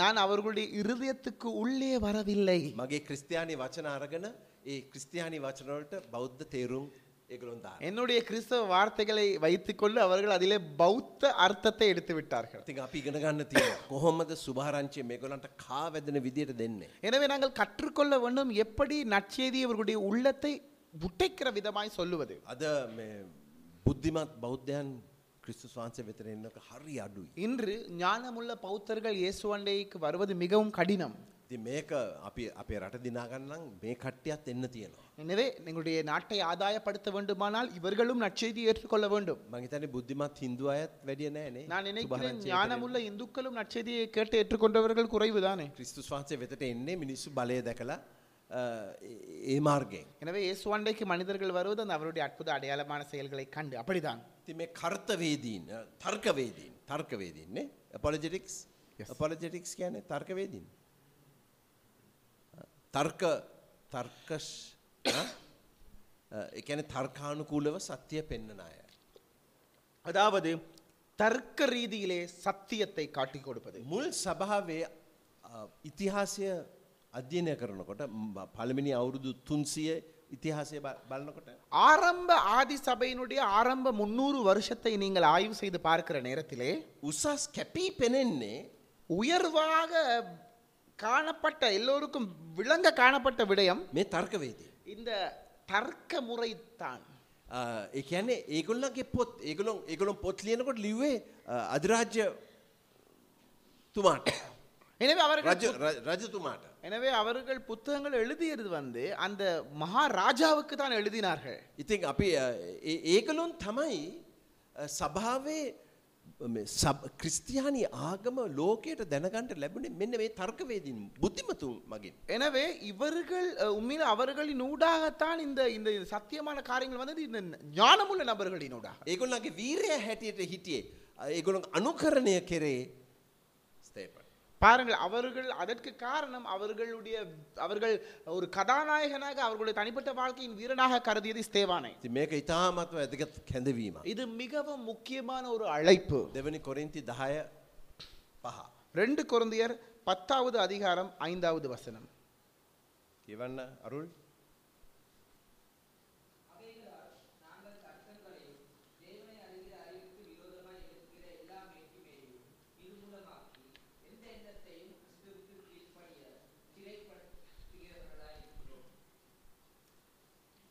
අපි විවාදයන්ද දෙවියන් වහන්සේට දැනගැනීමට විරුද්ධව උසස් වන්නා වූ සියලු උසස් දේවල් විදෙලා සියලු සිතුවිලි ක්‍රිස්තුස් වහන්සේට සීගර වීමට වහල් කර දෙමු.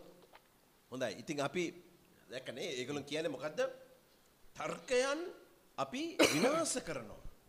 හැම්ම සි- සිතුවිලි දෙවියන් වහන්සේට භාල් කරනවා යටත් කරනොයි කියලා. எனவே பாருங்கள் எல்லா விதமான தர்க்கத்தையும் ஆண்டவருடைய சிந்தனைகளுக்குள்ளே கீழ் வைப்பார்கள் ඉතින් අපි යාඥා කරන්න ඕනේ මේක මේ වගේ නායකයෝ දෙවියන් වහන්සේ ලංකාවේ බිහි කරයි. எனவே நாங்கள் ஜெபிக்க வேண்டும் இப்படியான தலைவர்களை ஆண்டவர் ඉතින් த- இலங்கையில உருவாக்க வேண்டும் හරි හරි අ, පුදුම දෙයක් මේ එච්චර දැනුමක් නැ- නැ- නැති යුගයක අ, අපි ඉතිහාසය අධ්‍යයනය කරනකොට අපි වැඩියෙන්ම සාකච්ඡා කරන්නේ තර්කවේදිගේ සේවයයි. எனவே நாங்கள் வேதாகம் சரித்திரத்தை ஆய்வு செய்கிற நேரத்திலே நாங்கள் அதிகமாய் ஆய்வு செய்வது இந்த தர்க்கவாதிகளுடைய சத்தியங்களை හැබැයි මේක මේ ඩ්‍රයි ඩ්‍රයි කියනෙ වියලි වියලි බුද්ධයක් නෙමේ.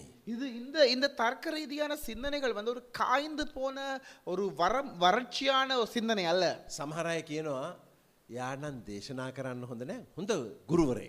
சிலர் சொல்வார்கள் இவர் பிரசங்கிக்க சரவ சரிவர மாட்டார் அவர் ஒரு நல்ல ஆசிரியர் එ- එතනින් අදහස් කරන්නේ අ, යා උගන්වනකොට අ, නිදා වැටෙනවා. அதனுடைய கருத்து என்னவென்றால் அவர் அவர் கற்றுக் கொடுக்கறதுல எல்லாரும் தூங்கி விழுறாங்க ඉතිං අ, සෙනග ඉස්සරහා දාන්න එපා කණ්ඩායම ඇතුළ අ, පොඩි පොඩි කණ්ඩායමට උගන්නන්න දෙ. எனவே பெரிய கூட்டத்துக்கு பிரசங்கிக்க போடாதீங்க சின்ன ஒரு குழுவுக்கு கற்றுக் கொடுக்க போடுங்க ක්‍රිස්තියානි උග- උ- උ- ගුරුවරු පිච්චන දැවෙන පුද්ගලයෝ. ஆனால் கிறிஸ்தவ ஆசிரியர்கள் உள்ளே பற்றி எரிகிற ஆவியின் உணர்வை உடையவர்கள் ඒගොල්ලෝ දන්නවා ලූක් විසි අතර තිස් දෙක මතකද එමස් මාර්ගයට යනකොට ඒගොල්ලෝ මොනවද කිව්වේ යේසුස් වහන්සේගේ ඉගැන්වීම් ගැන உங்களுக்கு தெரியுமா லூக்கா இருபத்தி நாலு முப்பத்தி ரெண்டாவது வசனத்தில் எம்மா ஊர் பட்டணத்துக்கு போகிற நேரத்தில் இயேசுவின் கற்று கற்பித்தலை பற்றி அவர்கள் என்ன சொன்னார்கள் මොකද කිව්වේ என்ன சொன்னார்கள் සිත් දෑවා எங்களுடைய உள்ளங்கள் பற்றி எரிந்தது என்று சொல்லப்படுகிறது அதிலே එච්චර බලපෑමක් වුණා அவ்வளவு அவருடைய பிரசங்கங்கள் தாக்கத்தை ஏற்படுத்தியது ඉතින් මෙතන අපි දකින හොඳ සමබර සේවයක් எனவே இந்த இடத்திலே நாங்கள் காண்கிறோம் ஒரு சமநிலையான ஊழியம் බුද්ධිමතෙක් සහ ශුද්ධවන්තයෙක් ஞானமுள்ள ஒருவன் அதோடு கூட அவன் வந்து ஒ- ශුද්ධවන්ත பரிசுத்தவான் නැත්තම් කරුණාවන්ත පුද්ගලයා அதே போல இல்லாவிட்டால் கிருபையுள்ள ஒரு மனுஷன் බලවත් කෙනෙක් வல்லமை உள்ள ஒருவன் සහ කරුණාවන්ත அதே போல ஒரு இரக்கமுள்ள ஒருவன் තර්කවේතියෙක් ஒரு தர்க்கிக்கிற தர்க்கமான தர்க்கிக்கிற ஒரு நபர் සහ ආත්මයෙන් පූර්ණව සිටිනක அதே போல ආவியில் நிறைந்த ஒரு மனிதன் මේක තමයි අද අපිට හුඟා අවශ්‍ය වෙලා තියෙන්නේ අපේ இதுதான் රටේ. எங்களுக்கு இன்று மிகவும் தேவையாயிருக்கிறது හොඳයි දැන් කොහොමද මේ වගේ අ, මේ දැවෙන ප්‍රඥාව අපේ ජීවිතයට ඇතුළු කර எப்படி பற்றி எரிகிற ஒரு உணர்வையும் ஞானத்தையும் எங்களுடைய வாழ்க்கையிலே நாங்கள் செயல்படுத்துவது මං අ, හයක් පියවර හයක් විස්තර කරන්න நான் ஆறு படிமுறைகளை உங்களுக்கு විளக்கப்படுத்துகிறேன் ඉස්සල්ලා முதலாவது අපි දේව වචනය දැනගන්න ඕන முதலாவது நாங்கள் தேவனுடைய வார்த்தையை தெரிந்து கொள்ள வேண்டும் අ, අද ලොකු ප්‍රශ්නයක් තියෙනවා මිනිස්සු එච්චර විශ්වාස කරන්නේ දේව වචනය බලය எனக்கு இன்று பெரிய ஒரு பிரச்சனையா இருக்கிறது மனிதர்கள் அவ்வளவு விசுவாசிப்பதில்லை ஆண்டுடைய வார்த்தையின் வல்லமையை අ, මම අ, මේ සම්මන්ත්‍රණයකට ගියා ලංකාවේ කොළඹ කරපු මේ මේ මාස ඔව් මේ මාසේ මුල් காலே நான் இந்த இந்த இந்த மாத அ- மாதத்தின் தொடக்கத்திலே நான் இலங்கையில் ஒரு பெரிய மாநாட்டுக்கு சென்றேன் කොහොමද අපි සුභාරංචය අ, රටට ගෙනියන්නේ. எப்படி நற்செய்தியை நாட்டுக்கு கொண்டு போவது ඉතින් ඒක ම- මඟ පෙන්වපු සහෝදරයෙක් කිව්වා அதை வழிநடத்திய ஒரு சகோதரன் சொன்னார் දැන් මේ ක්‍රියාපොත ඉස්සර அவர் ඉස්සර වුණු දේවල්. அவர் வந்து அவர் சொன்னாரு இந்த நற்ச அப்போ சிறப்பு தான் அந்த முதல் நடந்த விடயங்கள் අපි වර්තමාන දේවල් බලන්න. நாங்கள் நிகழ்கால காரியங்களை பார்க்க வேண்டும் අපේ අ, ව්‍යවහය ගන්න ක්‍රියාපොතෙන් නෙමේ වර්තමාන அவர் දේවල්. அவர் சொன்னார் வந்து எங்களுடைய சிந்தனையை நாங்கள் எடுக்க வேண்டும் அப்போ புத்தகத்தை வைத்து அல்ல நிகழ்கால நிலைமையை வைத்து அல்ல. දවසක් මට එක්කෙනෙක් කිව්වා ஒரு நாள் ஒருவர் எனக்கு சொன்னார் එක්සජීසිස් එක්සජීසිස් කියන්නේ මොකක්ද එක්සජීසිස් අධ්‍යයනය අ, අපි අපි අධ්‍යයනය කරන්නේ බයිබලය නෙමෙයි එලියට ගන්න එක්සජිසිස් කියන්නේ අ, මේ සත්‍යය එලියට ගන්න එක. අ, අධ්‍යයනය කරන්න බයිබල නෙමෙයි සංස්කෘතිය அவர் சொன்னார் வந்து நாங்கள் தியானித்து வெளியே எடுப்பது வந்து வேதாமத்தில் உள்ள காரியத்தை அல்ல கலாச்சாரத்தில் உள்ள காரியத்தை සංස්කෘතියට අදාළ දේවල් තමයි අපි දෙන්න ඕනේ. நாங்கள் கலாச்சாரத்துக்கு ஏற்ற விடயங்களை தான் கொடுக்க வேண்டும் හැබැයි බලය තියෙන්නේ වචනේ. ஆனாலும் வல்லமை இருப்பது வார்த்தையிலே එතන තමයි අපිට ආදර්ශයක් තියෙන්නේ කොහොමද සේවය කරන්න කියලා. அந்த இடத்திலே தான் ஒரு சாட்சி முன்மாதிரி இருக்கிறது ஊழியம் எப்படி செய்வது என்பதை குறித்து. එබ්‍රයෝ හතර දොළහා. எபிரேயர் நான்காம் அதிகாரம் பன்னிரெண்டாவது வசனம் නෙවෙයි. ஜீவனும் வல்லமையும் உள்ளதாலும் இருபுறமும் கருப்புள்ள எந்த பட்டயத்திலும் கருக்கானதாலும் ஆத்மாவையும் ஆவியையும் கணுக்களையும் ஊனையும் பிரிக்கத்தக்கதாக உருவ புத்திரிகளாலும் இருதத்தின் நினைவுகளையும் யோசனைகளையும் வகையறுக்கிறதாயும் இருக்கிறது මක්නිසාද දෙවියන් වහන්සේගේ වචනය ජීවමානය බලවත්ය කොයිම දෙමුවත් කඩුවකටත් වඩා දියුණුය. ප්‍රාණය හා ආත්මයද සංදිහා ඇටමිදුරු ඇටමිදුරුද වෙන් කරන තරමට කාවදින්නේය. සිතේ සිතිවිලිද අදහස්ද විමසන්නේය. දෙවියන් වහන්සගේ වචනය බලය තියෙනවා. அவருடைய வார்த்தையிலே வல்லமை இருக்கிறது ද මම අ, කැපවීමක් කරේ අවුරු දාහතරේ நான் அஹ், ஆண்டவருக்கு என்னுடைய வாழ்க்கை අර්පணித்தது பதினாலு வயதிலே දැම් මගේ වයිස හැට නමයයි. இப்பொழுது எனக்கு அறுபத்தி ஒன்பது வயது අවුදු පනස් පහක් බයිබලය හැම දෑම් වගේ කියවනවා. நான் 59 வருடங்கள் வேதாமத்தை ஒவ்வொரு நாளும் வாசித்திருக்கிறேன் ඉතින් බයිබලය උත්පත්තිීදං එලිදරව්වලට කියවලා තියෙන මන්දන්න කොච්චර සැරයක් කියවලා. நான் வேதாமத்தை வெளி ஆதியாமத்திலிருந்து வெளிப்படுத்தல் வரைக்கும் எத்தனை தடவை வாசிச்சிருக்கணும் தெரியாது අ, පෙරේදා නැතන් ඊට ඉස්සල දවසේ මම රට ගැන හොඳට මක්සෙට් වෙලා හිටිය. முந்த நாள் நான் அதற்கு முதல் நாள் மாதிரி இலங்கை நாட்டை பற்றி ரொம்பவும் சோர்ந்து போயிருந்தேன் ඉතින් මම දැන් දැන් එලිදරව පොත මගේ ඩිවෝෂන් නෝට කරන්න. இப்பொழுது நான் வெளிப்படுத்தல் புத்தகத்தை என்னுடைய தியானத்துக்கு செய்கிறேன் අ, එදා මං ස්ටඩි කරේ පස්වැනි පරිච්චේ. நான் அன்று நான் ப- படித்தது வந்து ஐந்தாவது அதிகாரத்தை ඒක ස්ටඩි කරනකොට දෙවියන් වහන්සේ කතා කරයි කියන්නේ පුද්තුම විදියට අදයි නා- රටට සේ- රටේ සේවය කරන අයට අදාළ පණිවිඩයක්. உண்மையில் அந்த ஐந்தாம் அதிகாரத்தை வாசிக்கிற நேரத்தில் ஆண்டவர் பேசினார் அற்புதமாக நாட்டில் அஹ், பணி செய்கிறவர்களுக்கு தேவையானதை ஆண்டவர் பேசினார் වචනය බලව. வார்த்தை வல்லமை உள்ளது ඉතින් අපි අරම අද සමාජය වචනය නෙමෙයි අත්දැකීම මත තමයි රද මේව කරන්න. இன்று சமுதாயம் வார்த்தை நல்ல அனுபவத்தை வைத்துதான் பணி செய்ய අර பார்க்கிறார் පශ්චාත් නූතන අ, යුගයේ අංගයක් මේක.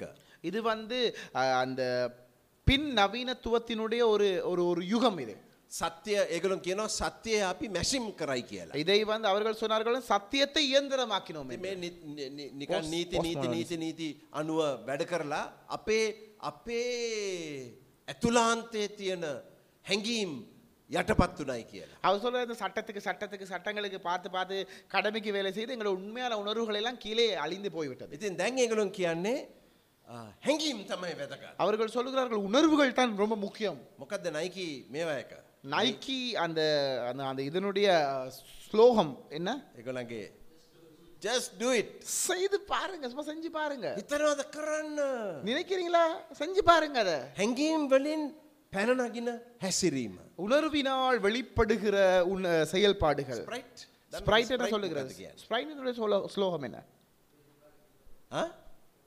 තිබහට කීකරුවන්න உங்களுடைய தாகத்துக்கு கீழ்ப்படிங்க වචනයට නෙමේ வார்த்தைக்கு அல்ல වචනයට කීකරුවෙන නම් වයා බහල්ලෙක් වෙනවා நீங்கள் வார்த்தைக்கு கீழ்ப்படிந்தால் அடிமையாகி விடுவீர்கள் වචනය තම අපිය වහල්ලු කෙරේ வார்த்தை தான் எங்களை அடிமையாக்கியது ඉතින් තිබහට තී කීකරුවන් எனவே தாகத்துக்கு கீழ்ப்படியுங்கள் මේක තමයි අද සමාජය இதுதான் இன்றைய சமுதாயம் ඉතින් ඒ සමාජය அந்த சமுதாயம் අ, සමාජය වචනය පහත් කොට සලකන வார்த்தை இழிவாகத்தான் நினைக்கிறது මම ගිය ඉරිදා දේශනා කරා මේ වෙන්න මේ වෙන්න පුවයි මීගමය චර්ච්චයක. நான் நே- போன கடந்த கா ஞாயிற்றுக்கிழமை நான் வெண்ணப்போ ஆ, அதே போல நீர்கொழும்பு இப்ப ஒரு ஆலயத்தில் நான் பிரசங்கித்தேன் ඒකොලගේ දේවස් දේව මෙහය සාමාන්‍යයෙන් පැය තුනහමාරක් ගන්න. அவர்களுடைய ஆராதனை சாதாரணமாய் மூன்று மணித்தியாலம் போகுமாம் එදා ඊටත් වැඩි.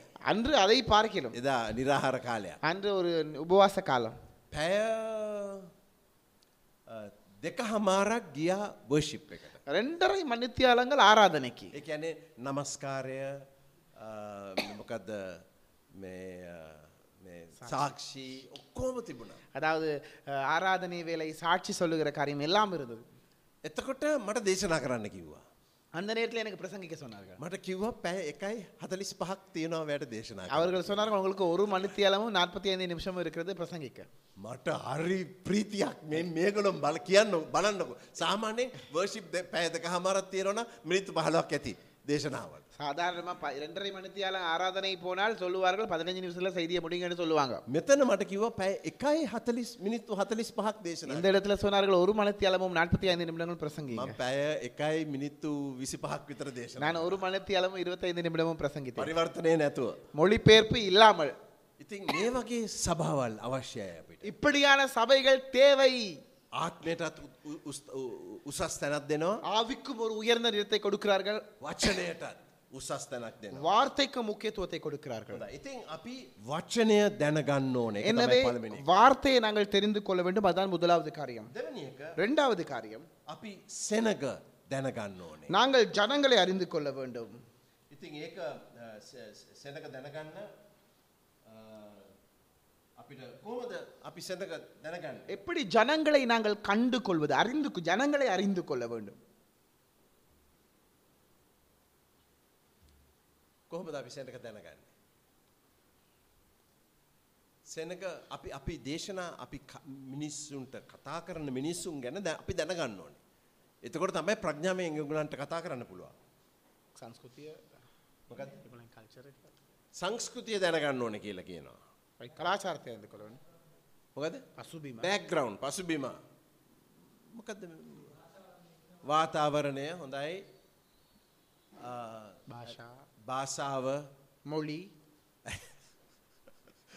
එක්කෙනෙක් මිෂනාරි කෙනෙක් ජපානයේ ஜப்பான் மிஷனரி ஒருவர் යා ටහරය අමාරු නම් මේ අ, ම, භාෂාව ඉගෙන ගන්න அவருக்கு அந்த மொழியை கற்க ரொம்ப கஷ்டமா இருந்தது ඉතින් මෙයා යා මුල් කාලේ ஆரம்ப காலத்திலே ෆියන්රල් එකක මරණයක ஒரு மரண சடங்கு ஆராதனையிலே මේ මංහිතන්නේ සහෝදරයා සහ ජෝක ජෝක කියන්නේ අ, විකටයා ඒ වචන දෙක හරි කිට්ටුයි ඒ භාසාාව. அவங்களோட மொழியில வந்து சகோதரனும் அஹ், விகட கவி இது இந்த ரெண்டுக்கும் வந்து ஒரே சொல் தான் ඉතින් එයා දේශනා කරනකොට මුළු දේශනාව කිව්වේ මේ ජෝකර් මේයි මේ ජෝකර් அது முழு பிரசங்கத்திலையும் அந்த மரண சடங்குல வந்து ஜோக்கர் இப்படிதான் இந்த ஜோக்கர் இப்படிதான் சொல்லியிருக்கிறார் ඉතින් අපි හුඟක් ප්‍රවේශම් වෙන්න ඕන.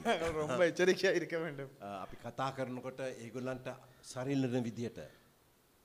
நாங்கள் அவ கதைக்கிற நேரத்தில் அவர்களுக்கு ஏற்ற விதத்திலே ඉතින් මම මම සිංහල එච්චර හොඳ නැති නිසා මම දේශනා කරන්න ඉස්සලා නිත්තර කෝල් කරනවා. අ, වෙන වෙන අයට අහන්න මොකක්ද සුදුසු වචනය මොකක්ද මේකේ. என்னுடைய சிங்களம் அவ்வளவு தே- தேறினதா இல்லாதபடினால் கதைக்க முன்பதாக நிறைய பேர்கிட்ட அடிக்கடி கால் பண்ணி கேட்பேன் எனக்கு சரியான வார்த்தை என்னது සෙනක පසුබිම අ, ඒවා දැනගන්න. எனவே ஜனங்கள் பின்னணி எல்லாவற்றையும் தெரிந்து கொள்ள வேண்டும் වෙන කොහොමද අපි ඉගෙනගන්න. வேறு எப்படி ඒගොල්ලගේ ප්‍රශ්න ගැටුම් මොනාද කියලා. அவர்களுடைய பிரச்சனைகள் அவர்களுடைய அஹ், முருகல்கள் என்னவென்று தெரிந்து கொள்ள කොහොම දේකොළොන් ප්‍රශ්නවලට මුහුණ දෙන්න. எப்படி அவர்கள் பிரச்சனைகளுக்கு முகம் கொடுக்கிறார்கள் මම සාමාන්‍යෙන් මාසකට කීප වතාවක් අ, කීප වතාව එක- එක- එක සැරැත් දෙසරැක් වගේ අ, බස්සොල යනවා. நான் அஹ், මාස ஒரு மாதத்துக்கு சில தடவைகள் மாதிரி ஒரு தடவை ரெண்டு தடவை மாதிரி நான் பேருந்திலே போவேன் ඒකට හේතුව මන් අදක දේශනා කරන අය යන්න බස්සොල. காரணம் நான் பிரசங்கிக்கிறவர்கள் போவது பஸ்ஸிலே ඉතින් මගේ අධ්‍යාපනය කොටසක් හැටියට මං බස්සොල යන. எனவே என்னுடைய கல்வியின் ஒரு அங்கமாக படிக்கிறதற்காகவே நான் பஸ்ஸிலே போவேன் අවුරුද්ධකට දුර- දුරගමන් කීපයක් කරනවා බස්ස එකේ. நான் ஒரு வருஷத்துக்கு சி- நிறைய பயணங்களை பேருந்திலே செய்வேன் බලන්න பார்க்க ඉග கற்றுக்கொள்ள මන් නිතර කියන කතාවක් මේ ජෝන් වෙස්ලි ගැන அடிக்கடி நான் சொல்லுகிற ஒரு கதை ஜோன் வெஸ்லி පற்றி එයා පාර යනකොට තරුණ දේශකයෙක් එක්ක அவர் ஒரு ஆ, பாதையிலே போகிற நேரத்தில் இளமையான ஒரு பிரசங்கியோடு ගෑ- ගෑනු අය දෙන්නෙක් අ, මේ රණ්ඩු කරනවා. ரெண்டு பெண்கள் சண்டை பிடிச்சாங்களா ඉතින් සෙනක බලබල ඉන්නවා මේ ஜனங்கள் அதை பார்த்து கொண்டிருந்தார்களாம் රසවිදිනවා මේ අදයි. ස- රණ්ඩුව. அந்த සண்டையை ரொம்ப ரசிச்சு கொண்டிருந்தார்களாம் ඉතිං අ, අර තරුණ දේශකයා අයිනක් ගහ අයනක් ගහලා යන්න තමයි බැලුවේ. அந்த இளம் பிர- பிர- போதகர் வந்து அ- மெதுவா ஓரத்தால போக பார்த்தார் ඉතින් ජෝන් වෙස්ලි යට කිව්වා ஜான் வெஸ்லி அவருக்கு சொன்னார் ඉන්න සැමි ඉන්න. சமி இருங்க ඉඳලා දේශනා කරන්න ඉගෙන ගන්න. அவர் சொன்னார் இருந்து பிரசங்கிக்கிற கதை கற்றுக்கொள்ளுங்க අපි දැනගන්න ඕනේ. நாங்கள் கற்றுக்கொள்ள வேண்டும் හොඳයි තව කෝමද කෝමද දැනගන්නේ කෝමද අපි දැ මං එකක් කිව්වා අපි බලනවා ආ, බලලා අ, තව எங்களுக்கு கதா கரலாம் කතා කරලා කතා බහ කරලා அவர்களோடு கதைத்து பழகி ඇතවසයෙන් කතා කරනකොට හුඟා ඉගෙන ගන්න உண்மையிலே பேசுகிற நேரத்தில் நிறைய கற்றுக்கொள்ளலாம் මම කවදාවත් ජොබ් එකක් කරලා නෑ நான் எப்பவுமே මේවයට හැර ஊழியத்தை තවර ஒரு தொழில் செய்ததே இல்லை විශ්වවිද්‍යල්ලං හිටියා பல்கலைக்கழகத்தில் இருந்தேன் කිතුරන් නොමන ඇත් එක්ක கிறிஸ்தவர்கள் இல்லாதவர்களோடு හැබැයි අ, ජොබ් එකක් කරලා නෑ ஆனால் நான் ஒரு தொழில் செய்ததே இல்லை ඉතින් මං දේශනා කරන්නම් කතා කරන්න අත්‍යවශ්‍යයි எனவே ජොබ් நான் කරන අය பிரசங்கிக்கிறதாக இருந்தால் தொழில் செய்கிறவரோடும் நான் பேசி ஆக வேண்டும் ඒගොලොන්ගෙන් ඉගෙන ගන්න මොනාද තරුණයෝ ජොබ් කරණයට මුහුණ දෙන දේවල් எனவே அவர்களோடு கற்றுக்கொண்டே ஆக வேண்டும் தொழில் செய்கிறவர்களுக்கு இருக்கிற பிரச்சனை அவர்கள் முகம் கொடுக்கிற பிரச்சனைகள் என்ன ඒගොලන්ට සවන් දෙන්න ඕන. அவர்களுக்கு செவி கொடுக்க வேண்டும் මොකක්ද මේගොල්ලගේ ප්‍රශ්න. இவர்களுடைய பிரச்சனை என்ன මොකක්ද මේගොලන්ගේ කම්පලේන්් කම්පලේන්් කියන්නේ චෝදනා. அஹ், இவர்களுடைய குற்றச்சாட்டுகள் என்ன මොකක්ද කියලා අපි සවන් දෙනවා. என்னவென்று நாங்கள் செவி கொடுக்க வேண்டும் තව කොහොමද. இன்னும் எப்படி කෝමද අපි හොයාගන්නේ. ලෝකය ගැන. உலகத்தை பற்றி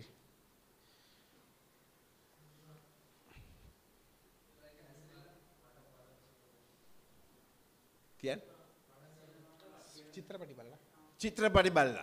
දයි திரைப்படங்களை பார்த்து චිත්‍රපටි බල්ලා සහලට YouTube එකට ගිහිල්ලා சில நேரத்தில் யூடியூபுக்கு போய் හැබැයි මෙතන අපි හුඟාක් ප්‍රවේශම් වෙන්න ඕන. ஆனால் இந்த இடத்திலே மிகவும் கவனமாக இருக்க வேண்டும் ලෝකයේ මේ අපිරිසිදු දේවල් හුඟාක් තියෙනවා. உலகத்திலே ரொம்பவும் மோசமான விடயங்கள் நிறைய இருக்கிறது ඉතින් අපි බලන්න තියෙනවා අපි මේවා ගැන හොයාගන්න ගිහිල්ලා අපි අ, විනාශ වෙන්න.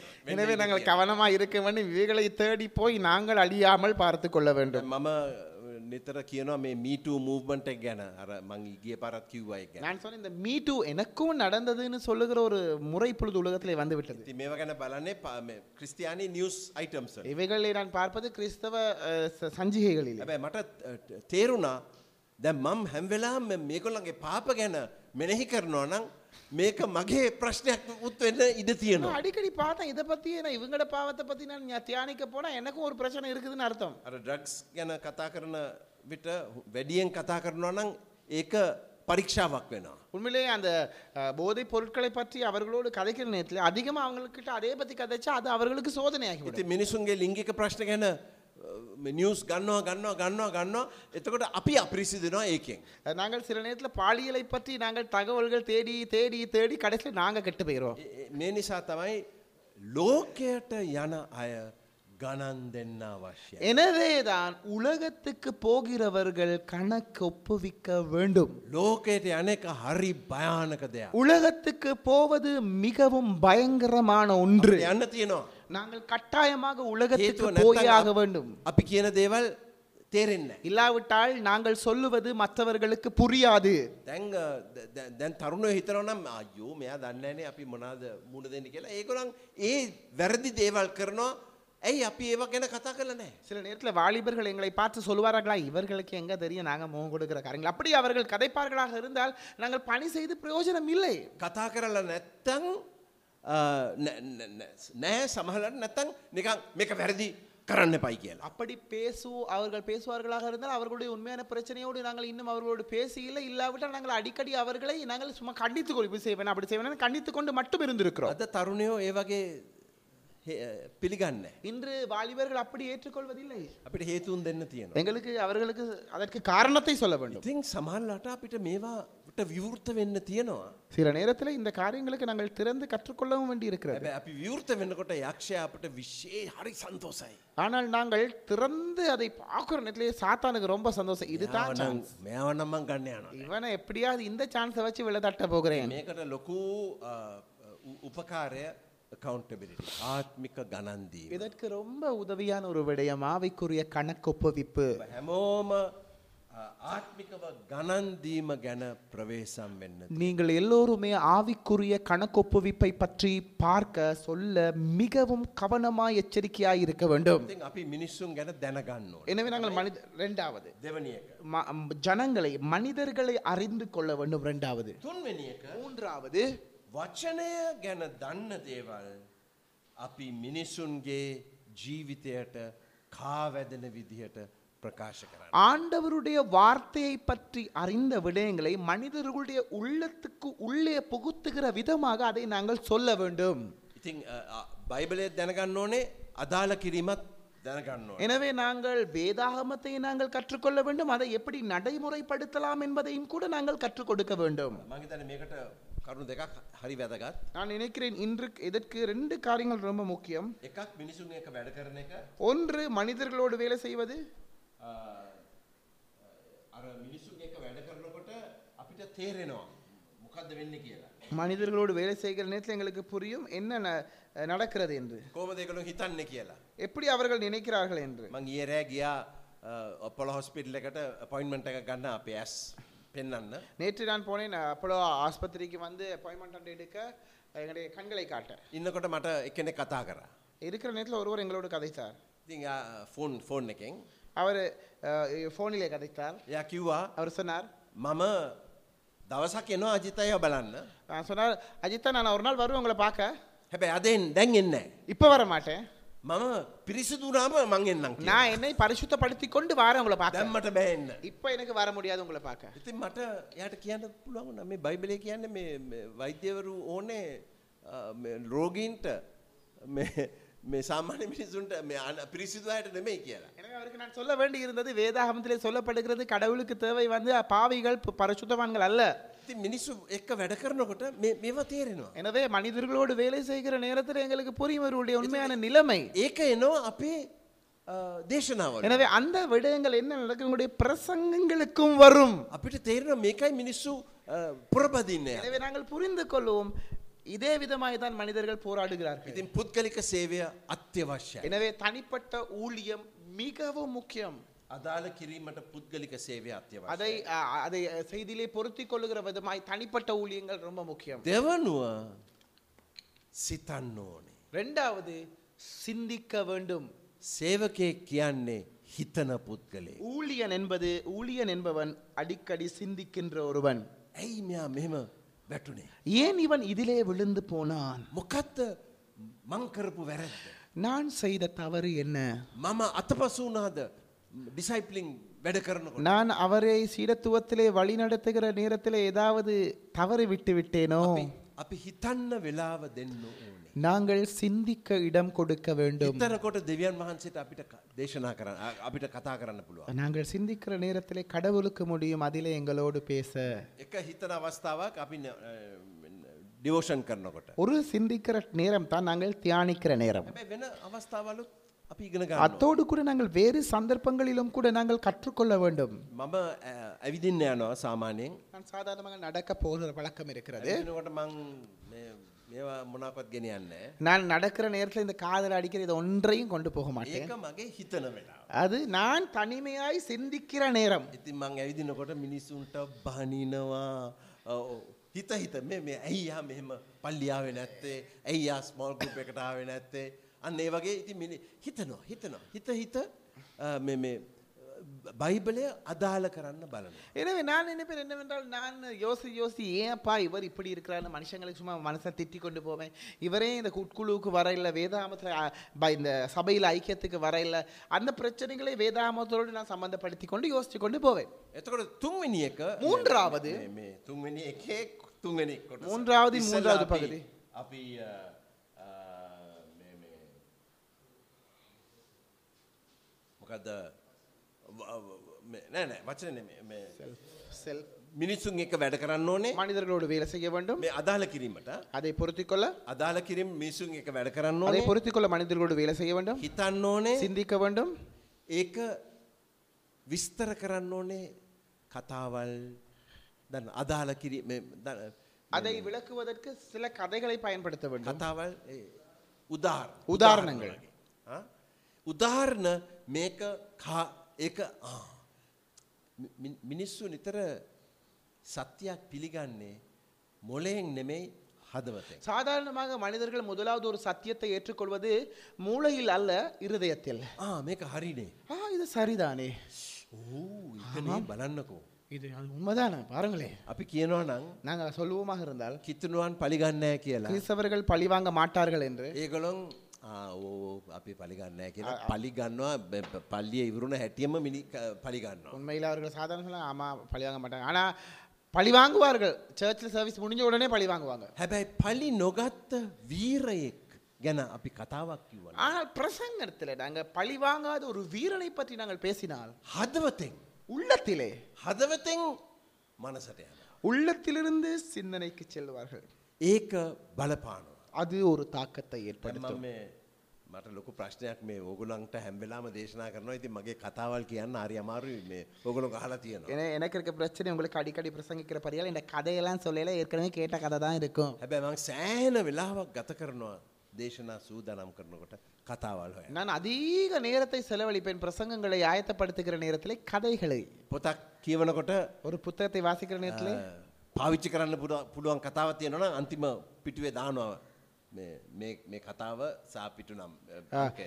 இடமே நான் அதை எழுதுகிற நேரத்திலே போடுவேன் இந்த கதை இந்த பக்கத்தில் இருக்கிறது என்று ඉතින් අපි ඒක කරන්න තියෙන. எனவே நாங்கள் அதை செய்ய வேண்டி இருக்கிறது එතකොට අ, අ, මේ, ඒ- ඒක තමයි තුන්වෙනි එක අදන් ඉස්සෙල්ලා වචනය දැනගන්න ඕන மூன்றாவது ஒன்றாவது வார்த்தையை தெரிந்து கொள்ள வேண்டும் දෙවනුව අපි සෙනග අ, කව- කවුද කියලා දැනගන්න ඕනේ இரண்டாவது ஜனங்கள் யார் என்பதை அறிந்து கொள்ள வேண்டும் එතකට අපි මේක අදාළ කරන්න ඕනේ සත්‍යය අදාළ කරන්න ඕනේ சத்தியத்தை நாங்கள் நடைமுறைப்படுத்த வேண்டும் ඒකට අවශ්‍ය තුන මොකක්ද அதற்கு தேவையான மூன்று என்ன ආ?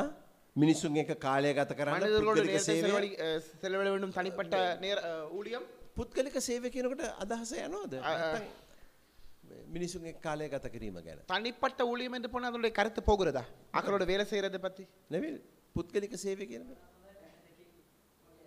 බැහැ දැකීම් හමුවීම් නේ හමුවීම් ஆ, මිනිස්සුන්ගේ சந்திப்பு හමුවීම්. அது நான் நாங்க வீட்டு சந்திப்புகள் என்று போட்டால் அது நன்றாக இருக்கும் දෙවැනි එක ரெண்டாவது හිතන්න ඕනේ யோசிக்க அவர்களை பத்தி சிந்திக்க வேண்டும் එතොර තුන්වෙනි එක மூன்றாவது කතාවල් பேச்சுக்கள் கதைகள் உதாரண கதைகள் හතර நான்காவது අ, මේ- මේ හතරවෙනි මේන් පොයින්ස நான்காவது பிரதான குறிப்பு අපි බලන්න ඕනේ ආත්මයන දැන් අපි කියන්නේ ප්‍රඥාව දැන් අම් දැනට අපි කතා කර ප්‍රඥාව ගැන நாங்கள் இதுவரைக்கும் கதைத்தது ஞானத்தை பற்றி දැන් අපි කතා අනිත් හතුන තියෙන්නේ ආත්මයන அடுத்த මහන්සගේ மூன்றும் இருப்பது பரிசுத்த ஆவினால் நிறைந்திருப்பதை பற்றி අපි බලන්න ඕනේ ආත්මයන වහන්සේගේ පූර්ණත්වයට බාධකයක් නෑ කිය. நாங்கள் பார்க்க வேண்டும் ஆவியானவரின் நிரப்புதலுக்கு தடை இல்லை என்பதை ඉතින් අපි නිතර දේශනා කරන්න ඉස්සල්ලා එනවෙන්- පව් කියා මංගේගේ පරත් කිව්ව මගේ තන පව් කියා දෙනවා. நாங்கள் ஒவ்வொரு முறையும் பிரசங்கிக்க முன்பதாக எங்களோட பாவங்களை ஆண்டவரிடத்திலே அறிக்கையிட்டு எங்களுடைய வாழ்க்கையை சரி செய்து கொள்ளுவோம் නිතර මන් දේශනා කරන්න යනකොටද නිලුණක්ත් එක්ක நான் அடிக்கடி பிரசங்கிக்க போக முன்பதாக நெலுன் அக்காவோடு මන් දන්නවා මං මංකරපු වැරදක් ගැන කතා කරන්න තියෙනවා දේශනා කරන්න ඉස්සල්ල දේශනා කරන්න බෑ මේ ඒක ගැන කතා කර எனக்கு தெரியும் ஒரு பிரசங்கத்தை பிரசங்கிக்க முன்பதாக நான் செய்த தவறுக்கு நெலுன் அக்காவோடு கதைக்க வேண்டும் கதைக்காவிட்டால் பிரசங்கிக்க முடியாது என்று ආත්මය බයිබරි කියනනේ ආත්මයට දුක් දෙන්න එපයි කියලා பரிசுத்த ஆவியானவருக்கு துக்கம் கொடுக்க வேண்டாம் என்று வேதாகமத்திலே சொல்லப்படுகிறது ඉතින් ඒක තමයි හතරවෙනිය. எனவே அதுதான் நான்காவது පහ ஐந்தாவது යාඥාවෙන් අපි ශුව කරන්න ඕනේ අපි ආ- ආත්මයණන් වහන්සේගේ මනසත් එක්ක එක් වෙලයි කියලා. நாங்கள் ஆவியானவரோடு மனதிலே நாங்கள் ஒன்றிணைந்து இருக்கிறோம் என்று உறுதிப்படுத்திக் கொள்ள வேண்டும் තේනොද ඒකින් අදහස් කරන මොකද අර ටියනිින් දන්නද ටියනිින් ටියනිින් කරන්න අපි அதில் அர்த்த கருத்து என்னவென்றால் நாங்கள் சாதாரண ஒரு டிவியை டியூன் பண்ணுவோம் தெரியுமா දැ- දැන් මිනිස්සු රේඩියෝ පාච්ච කරන්න වැඩිය. இப்பொழுது රேடியோ பயன்படுத்துவதில்லை හැබැ இස්සර අපි ටියවන් කරන්න තියෙන හෙමින් முன்பு හෙම வந்து நாங்கள் බල්ල மெது- மெதுவா மெதுவா அதை டியூன் பண்ண வேண்டியிருக்கிறது එකන හරි ෆ්‍රික්වන්සි හරි මේකට එනවා. அது சரியான ஒளி அலைகளுக்கு அது வரும் තාම බයික්ස් ටියවන් කරනවාද. இன்னும் பைக்ஸை டியூன் பண்ணுகிறார்களா ආ?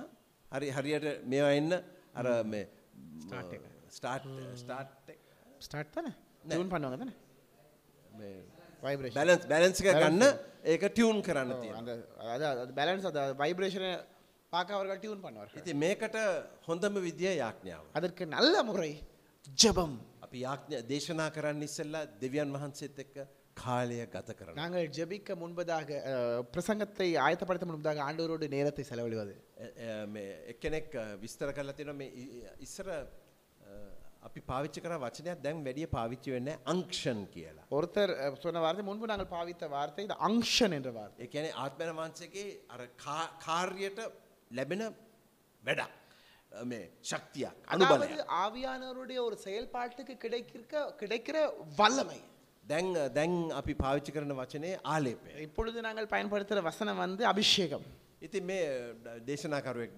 ඩ- සංස්ට කියලා. ஒரு பிரசங்கி டபிள்யூ சென்ஸ்டர் என்று என்கிறவர் එයා කියනවා අංක්ෂන් කියන්නේ அவர் சொல்லுகிறார் அங்ஷன் என்பது අ, මේ ශුද්ධාත්මන වහන්සේගේ සුළඟ හමනවා. ஆவியானவருடைய காற்று வீசுகின்றது අපි න- බෝට්ටුවක ඉන්නවා. நாங்கள் ஒரு அஹ், ஒரு ஒரு படகிலே இருக்கிறோம் ඒ බෝට්ටුවේ රුවල් අපි හරවනවා ඒ හුළඟ හමන විදිහට ඒක අල්ලන්න. நாங்கள் அந்த என்னது? அஹ், அந்த அந்த படகில இருக்கிறோம் அதிலே உங்களுக்கு தெரியும் காற்று தாங்கிகள் இருக்கும் அந்த காற்று தாங்கிகளை சரியாய் திருப்புகிறோம் படகு போக வேண்டிய திசைக்கு போக ඉතින් ඒ කරන්න ஹொந்தம විදිිය යාඥාව. அதற்கு அஹ், நாங்கள் செய்யக்கூடிய நல்ல முறை ஜெபம் කාලය දෙවන් වහන්සේතෙක් ගත කරනකොට. நேரத்தை ஆண்டவரோடு செலவிடுகிற நேரத்திலே අපි ඉබේම දෙවියන් වහන්සේට ටියවුන් වෙනවා. நாங்கள் தானாய் ஆண்டவருக்கு டியூன் ஆகி விடுவோம் මේ ක- මේ කළු දේශකයෙක් දවසක් කිව්වා ஒரு එයාගෙන් கற்பினர் ඇහුවා, பிரசங்கி ஒரு நாள் அவரிடத்தில் கேட்டார்கள் කොහොමද වැ දේශනා සූදානම් කර எப்படி நீங்கள் பிரசங்கத்தை ஆயத்தப்படுத்துகிறீர்கள் යා කිව්වා මම පිරණකං කියවනවා. அவர் சொன்னார் මනස පිරණකං அவர் කියවනවා. சொன்னார், "என் மனது நிறைவு வரை வாசிப்பேன் ඊට පස්සේ යා කිව්වා මගේ මනස පැහැදිලි වෙනකං හිතනවා. அவர் சொன்னார் அதற்கு பிறகு என்னுடைய சிந்தனை தெளிவடையும் வரைக்கும் சிந்திச்சு கொண்டே இருப்பேன் එතොර යා කිව්වා මං උණුසුම් වෙනකම් යාඥා කර. அதற்கு பிறகு சொன்னார் நான் நான் அனலிலே நிரம்பும் வரைக்கும் ஜெபிப்பேன் පැහැදිලි වෙනකං தெளிவடையும் வரைக்கும் සම්පූර්ණ වෙනකං முழுமை நிறைவடையும் வரைக்கும் வாசிப்பேன் පිරණකං කියවනවා. நிறையும் வரைக்கும் வாசிப்பேன் ආ, හිත මේ- මේ පැහැදිලි වෙනකං හිතනවා. அஹ், தெளிவு வரும் வரைக்கும் சிந்திப்பேன் රස් ර- රස්න වෙනකං රත් වෙනකං යාඥා කර. அனலிலே நிரம்பும் வரைக்கும் ஜெபிப்பேன் ඉතින් ඒ යාඥාව இது ஜெபம் දෙවියන් වහන්සේත් එක ගත කරනකොට දෙවියන් වහන්සේගේ වචන අපට දෙන්න පුළුවන්. ஆண்டவரோடு நேரத்தை செலவிடுகிற நேரத்திலே ஆண்டவருடைய வார்த்தையை கொடுக்கலாம் හයවැනි එක ஆறாவது පූර්ණත්වයට යාඥා කරන්න. ஆவியின் நிறைவுக்காக ஜெபிப்பது අ, මේ ස්පර්ජන් ගැන කියා තිබෙන ඔගුලු හල තියෙනනේ ස්පර්ජන් ஸ்பர்ஜனை பற்றி சொல்லப்பட்டிருக்கிறது நீங்கள் கேள்விப்பட்டிருப்பீர்கள் வாசித்திருப்பீர்கள் පුත්තුම විදිහයට දෙවන් වහන්සයාව පාවිච්චි කර. அற்புதமாக ஆண்டவர் அவரை பயன்படுத்தினார் එයා දේශනා කරන්න ඇවිදිනකොට අවර මේ- මේ- ප්‍රසංගික නඩ දේශනා කරන කූඩුවට ඇවිදලා එන්නකොට பிரசங்க மேடைக்கு நடந்து வருகிற நேரத்திலே ගත්ත හැම පියවරත් එක්ක අඩියත් එක්ක அவர் வைத்த ஒவ்வொரு அடியோடு கூட එයා කියනවලු அவர் சொல்லுவாராம் මං ශුද්ධාත්මන වහන්සේ விශ්වාස කරනවා. நான் பரிசுத்தாவியானவரை நம்புகிறேன் මං ශුද්ධාත්මන நான் වහන්සේ பரிசுத்தாவியானவரை நம்புகிறேன் යා යා දන්නවා මේක රඳා පවතින්නේ යා මත නොවේ. அவருக்கு தெரியும் இந்த பிரசங்கம் இருப்பது அவருடைய கையில் இல்லை என்று ආත්මන වහන්සේගෙන් තමයි. பரிசுத்தாவியானவரில் தான் இருக்கிறது என்று හොඳයි. ඉතින් අ, මෙ- මෙයාට ප්‍රඥාවයි ආත්මයයි දෙකම තිබුණා. எனவே இவருக்கு ஞானமும் ஆவியும் ரெண்டுமே இருந்தது ඒ නිසා ඒගොලන්ට මේක දරාගන්න බැරිව. எனவே அவர்களால் இதை தாங்க முடியாமல் போனது හොඳයි. ඉතින් එකොළහා. பதினோராவது வசனம் දැන් එයාට එ- ඒක තමයි පේ- මේ ස්තේපන්ගේ චරිතය ගැන இதுதான் ஸ்தேவானுடைய அஹ், நடத்தை குணாதிசயங்களை பற்றி තව වැඩිය නෑ. இன்னும் நிறைய இல்லை අ, හැබැයි එයාගේ චරිතය ගැන කියන්නේ අම්, ඔහු අ, ඔහු අ, ප- විශ්වාසයෙන් කිය- ඕගොල්ලෝ කියන්න බලන්න මොකක් චරිතය ගැන මූලික කරුණු அவருடைய குணாதிசயங்களை பற்றி சொல்லுங்க பிரதான காரியம் நீங்களே சொல்லுங்க චරිතය සහ සේවය මොක මොකෙන්ද පූර්ණව සිටියේ அவர் எதிலே நிறைஞ்சிருந்தார் ශුද්ධාත්මන වහන්සේ සහ ඇදහිල්ලෙන් பரிசுத்தாவிலும் விசுவாசத்திலும் நிறைந்ததாய் காணப்பட்டார் එතකොට තව මොනක් තිබුණයාට இன்னும் என்ன இருந்தது அவருக்கு ආත්මයෙන් බලය තිබුණා ஆவியின் வல்லமை இருந்தது තව இன்னும் என்ன ප්‍රඥාව තිබුණා ஞானம் இருந்தது තව இன்னும் නිර්වීතකම தைரியம் අනුග්‍රහය கிருபை right?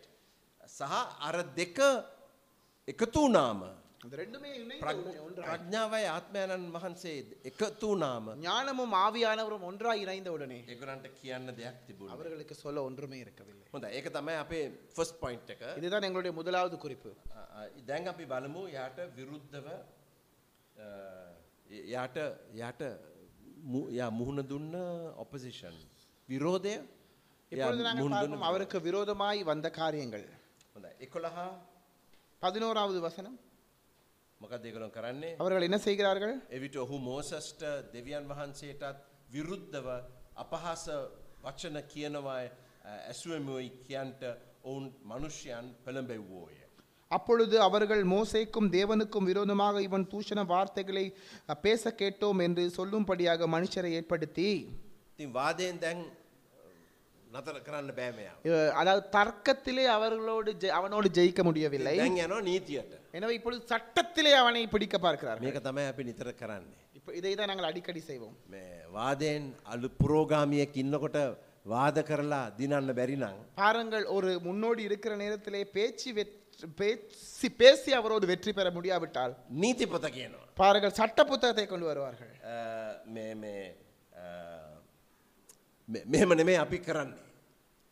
இப்படியெல்லாம் நாங்கள் செய்வது මේක අපේ නීතිවලට සරිලන්නේ. இது எங்களுடைய சட்டத்துக்கு சரி வராது වචනේ තියෙනවද නැද්ද வார்த்தை இருக்கிறதா இல்லையா ඒක නෙමේ වැදගත්. அது அல்ல முக்கியம் වFC මෙහෙම නෙමේ වැඩ කර. வயசுல நாங்க இப்படி இல்ல வேலை செய்யறது ඉතින් අපි අ, නීතිය ගේනවා. நாங்கள் சட்டத்தை கொண்டு வரோம் ඉතිං දොළහයි කියනවා பன்னிரெண்டாவது வசனம் சொல்லுகிறது අ, තවද ඔවුහු සෙනගද වැඩිමහල්ලන්ද ලියන්නන්ද කළඹා ම- ඔහුට විරුද්ධ ඇවිත් ඔහු අල්ලා මන්ත්‍රණ සභාවට ගෙනවා කියලා කිය. ஜனங்களை மூப்பரையும் வேத பாடகரையும் எழுப்பிவிட்டு அவன் மேல் பாய்ந்து அவனை பிடித்து ஆலோசனை சங்கத்துக்கு முன்பாக இழுத்து கொண்டு போய் ඊට පස කියන්නේ මේ அதற்கு பிறகு சொல்லப்படுகிறது මේ මනුෂ්‍යයා මේ සුද්ධස්ථානයත් අ, මේ සුද්ධස්ථානයටත් ව්‍යවස්ථාවටත් විරුද්ධව කතා කරනවායි කිය. இந்த மனுஷன் இந்த பரிசுத்த ஸ்தலத்துக்கும் வேத பிரமாணத்துக்கும் விரோதமாக தூஷண வார்த்தைகளை ஓயாமல் பேசுகிறான் ඉට පසේකනු කියනවා ඒසුස් වහන්සේ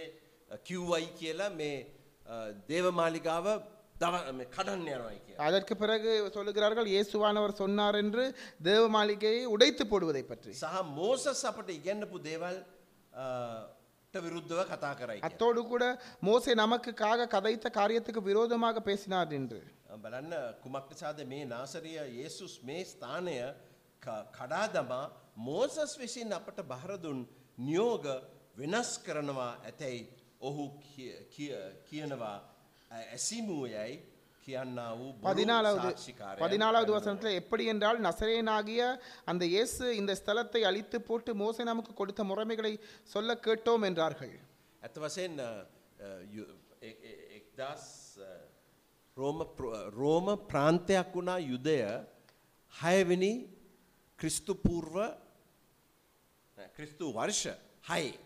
அ- அதாவது கிறிஸ்துவுக்கு பின் ஆறாம் நூற்றாண்டிலே வந்து ரோம அஹ், ச- சாம்ராஜ்யம் வந்து ரோமா அஹ், ராஜ்யம் வந்து ஒரு அஹ், ප්‍රාන්තයක් ஒரு பிர- பிராந்தியமாக ප්‍රවින්ස් மாறியது. ප්‍රවින්ස් කියනමකත් පලාත பலா- பலா- ආ, පලාත பிராந்தியம் අ, ඒ- ඒ- ඒකේ පලාතක්. ඒ පලාත නීති අනුව அந்த பிராந்திய சட்டத்தின்படி මරණ දණ්ඩය ම- මරණ දණ්ඩනය රෝම අධිරාජ්‍යවරයට රෝම ආණ්ඩුකාරයට විතරයි තිබුණේ. அந்த அந்த சட்டத்தின்படி வந்து ரோம அஹ், அதிபதிக்கு ஆளுநருக்கு மட்டும்தான் இருந்தது ඒ ඒ අයිතිය අ, නියම කරන්න අයිතිය එකැන පිලා පිලාත්ත විතරයි තිබුණේ. அதாவது அந்த சட்டத்தை அதாவது அஹ், பிரமுகப்படுத்துகிற அதிகாரம் பிலாத்து அந்த ஆளுநருக்கு மட்டும்தான் இருந்தது හැබැයි එක මේකත් දුන්න අයගොලා. ஆனால் அவர்கள் ஒரு காரியத்திலே கொஞ்சம் இடம் கொடுத்தார்கள் මොකක්දේ என்னது මේ දේවමාලිගාවට විරුද්ධව වචනයෙන් නැත්තං ක්‍රියාවෙන් ක්‍රියා කරනවා නම් ඒකට පුළුවන් මරණ දන්න. ஆண்டவருடைய தேவாலயத்துக்கு விரோதமா ஏதாவது கதைத்தால் முடியும் මරණ தண்டனை கொடுக்க ඉතින් ඒස්වාන්සේ කොහෙද ඉස්සල්ලම ගෙනනිච්චේ இயேசுவானவர் எங்கே கொண்டு வந்து பொன் போனார்கள் முதலாவது අත්තනකොට ගත්තම. அஹ், அவரை அவரை அஹ், விலங்கிலிட்டு உட- உடனே කෑටදගෙනනිච්චේ. எங்கே கொண்டு போனார்கள் නායගේ පූජකය. பாருங்கள் தலைவன் அதே போல ஆசாரியன் ඉතින් இடத்தில் ඒගොළොන් බැලුවේ අර පිලාත්තයන් නැතුව මෙතන නියම කරන්න මරණ. எனவே அவர்கள் முயற்சித்தது பிலாத்துவினிடத்துக்கு போக முன்பதாக இந்த இடத்திலேயே மரணத்தை நியமிக்க முயற்சித்தார்கள் හැබැ ඒක අසමත් වුණා. ஆனால் அது தோல்வி අடைந்தது ඉතින් ඒගොලන්ට පිලාත් ලඟට ගෙනියන්න. எனவே அவர்களுக்கு பிலாத்துவின் இடத்துக்கு கொண்டு போக வேண்டியிருந்தது තේපන් එක සමත් වුණා. ஆனால் ஸ்தே- ஸ்தேவானோடு அவர்கள் அதிலே அப்ப செயல்படுகிறார்கள் ඒගොලන්ට පෙන්න්න පුළුවන් වුණා මෙයා දේවමාලිකාවට විරුද්ධව කතා කර. எனவே அவர்களால் காட்டக்கூடியதாக இருந்தது இவன் ஆண்டவருடைய தேவாலயத்துக்கு விரோதமாக பேசுகிறான் என்பது ඉති මේ බොරු චෝදනා ගේනොයා. பாருங்கள் குட் பொய் குற்றச்சாட்டுகள் கொண்டு வருகிறார்கள் පාලෝ. பதினைந்தாவது வசனம் මන්ත්‍රණ සභාවේ ඉඳගෙන සිටි සියල්ලෝම ඔහු දෙස ඇස් හෙලා සිටියදී. ඔහුගේ මුහුණ දේවදූතයකුගේ මුහුණමෙන් ඔවුන්ට පෙනුනේය. அந்த இடத்துல நீங்கள் ஆறாம் அதிகாரம் பதினைந்தாவது வசனத்தை பார்த்தீர்களாக இருந்தால் அஹ், ஆலோசனை சங்கத்தில் உட்கார்ந்திருந்த அனைவரும் அவன் மேல் கண்ணோக்கமாக இருந்து அவன் முகம் தேவதூதன் முகம் போல் இருக்க கண்டார்கள் මේක හරි පුදුම දෙයක්. இது ஒரு புதுமையான காரியம் ඇයි ஏன் යා අ, යා දෙවියන් වහන්සේ අ, ට- ව විශේෂයෙන් අ, පරිවර් ම- ම- පරාවර්තනය නේ? පරාවර්තනය අ, මේ දැ- දැන් මේ- මේ- මේ මූුණ දිලිසෙනවයි කියන්නේ මොකද කියන මූුණ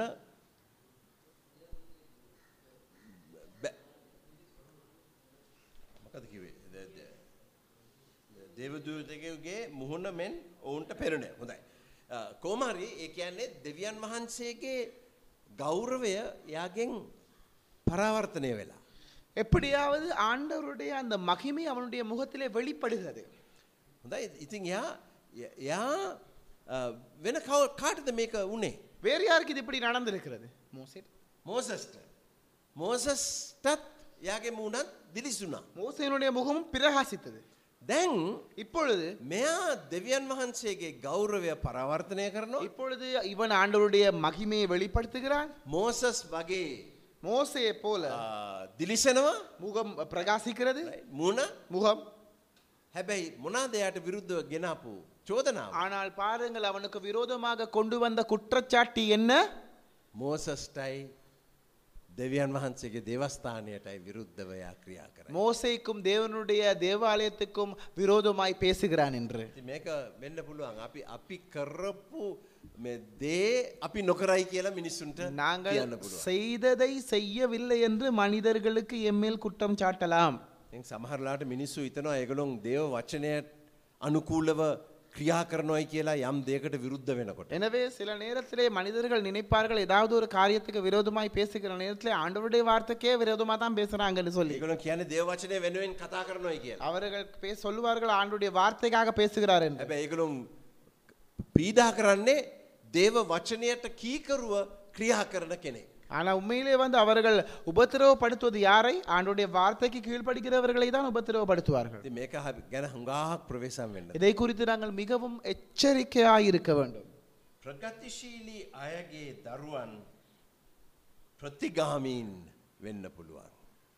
சில நேரத்திலே வந்து இப்படி ஆண்டவருக்கா இருக்கிறவர்களுடைய பிள்ளைகள் அதற்கு விரோதமானவர்களாகவும் மாறிவிடலாம் ඒ කියවෙන්- ඒ කියන්නේ මේ- මේ කියමු ජෝන් වෙස්ලි හොඳේ? அதாவது சொல்லுங்க ஜான் வெஸ்லி ජෝන් වෙස්ලි ප්‍රගතිශීලී පුද්ගල அவர் உண்மையிலே வந்து ஒரு ஒரு ஒரு ஒரு ஒரு முன்னோடியாய் பயணிக்கிற ஒரு நபர் ලෝකේ ටියවුන් සරගෙන හිම්ස් කෑවා. அவர் உலகத்தினுடைய சில அஹ், இசைகளை வைத்து அவர் கிறிஸ்தவ பாடல்களை පාරගිහිල්ල දේශනා කර. பா- பாரு- பாதையிலே போய் பிரசங்கித்தார் රෙවලියෂනරි විප්ලෝවාදී ප්‍රගතිශීලී පුද්ගලේ. அவர் வந்து ஒரு புரட்சிகரமான மனிதன் අද இன்று පිළිගත් ක්‍රමයට ටිකක් වෙනස් ක්‍රමයකට යමක් කරනවා නම් இன்று ஏற்றுக்கொண்ட முறைக்கு ஒரு வித்தியாசமா ஏதாவது செய்தால் කෞදයකට විරුද්ධ වෙන්න யார் அதுக்கு விரோதமாய் வருவார்கள் ජෝන් වෙස්ටික දරුවෝ. ஜோன் வெஸ்ட் பிள்ளைகளே තෙන්වද புரிகிறதா ති අපි තුඟා ප්‍රවේශම් වෙන්න තියෙන. எனவே நாங்களே மிகவும் එච්චරිකා இருக்க வேண்டும் වයිFCගේ අලුත් දේවල් ඉදිරිපත් කරන අයට නිකං හෙලාදාන්න බෑ. எனவே வயசிலே புதிய முறைகளை கொண்டு வருகிறவர்களை சும்மா தள்ளி போட முடியாது අපි සං- අපේ සංවිධානයක් හැටියට අ, මේ ප්‍රගතිශීලි සංවිධානය. எங்களுடைய அஹ், ஸ்தாபனம் கூட ஒரு புரட்சிகரமான ஸ்தாபனம் විප්ලවාදී ක්‍රම පාවිච්චි කරනවා. நாங்கள் புரட்சிகரமான முறைகளை பயன்படுத்துவோம் හැබැයි දෙවනි අ, දෙවනි පරම්පරාවේ මේ විප්ලවවාදී ක්‍රමය දැන් සම්ප්‍රදාය වෙලා. சில நேரத்தில் இரண்டாவது பரம்பரையினர் இந்த புரட்சிகரமான விஷயத்தை ஒரு ச- கலாச்சார சம்பிரதாயமாக மாற்றியிருப்பார்கள் ඉතින් ඊට විරුද්ධව වෙ- වෙන විදිහක් පාවිච්චි කරන්න බලනකොට நாங்கள் எனவே வேறு முறையை பயன்படுத்த பார்க்கிற நேரத்திலே ඒ මුල් අයගේ දරුවෝ බනිනවා. எனவே ஆரம்ப அஹ், நிலையிலே இருந்தவர்களுடைய பிள்ளைகள் அதற்கு விரோதமாய் எழும்பி நிற்பார்கள் ඉතින් අපි හුඟක් ප්‍රවේශම් වෙන්න ඕනේ අ, මේ වගේ නායකයෝ එනකොට ඒගොලන්ට බයිබලීය දිරිමත් කිරීම් දෙන්න. எனவே இப்படியான தலைவர்கள் வருகிற நேரத்தில் நாங்கள் முயற்சிக்க வேண்டும் வேதாகம ரீதியான உற்சாகத்தை கொடுக்க හොඳ ඒකයි ස්තේපන්ගේ අ, සේවය ගැන කතාව. இதுதான் ஸ்தேவானுடைய ஊழியத்தை பற்றியதான கதை හොඳයි ඕගලන්ට මොන ම- ඉගෙනගත්ත මනාකත් විශේෂ දෙයක් තියෙනවාද. நீங்கள் கற்றுக்கொண்ட ஏதாவது விசேஷமான காரியம் இருக்கிறதா නැතම් ප්‍රශ්නයක් கேள்வி ஏதாவது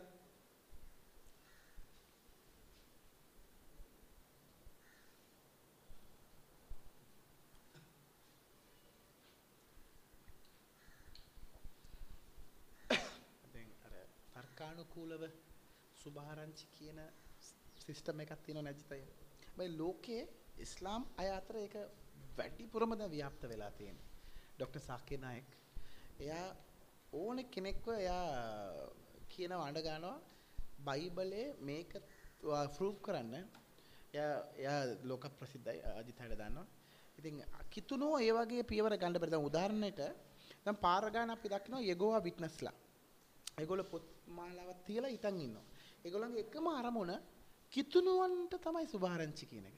හැබැයි ඒගොල්ලෝ එක තර්ක කරලා ඒගොල්ලන් වෙතට යන්න අපි මොනාරි පියවරක් ගන්න බැරිද? ඒක වැරදිද කිතයි. ඔව නෑ ස- සමහරයට කැඳවීම දෙන දැන් සමහරයට පුළුවන් තර්ක කරන්න දැන් සමහර අපි දැන් මට බෑ තර්ක කරන්න.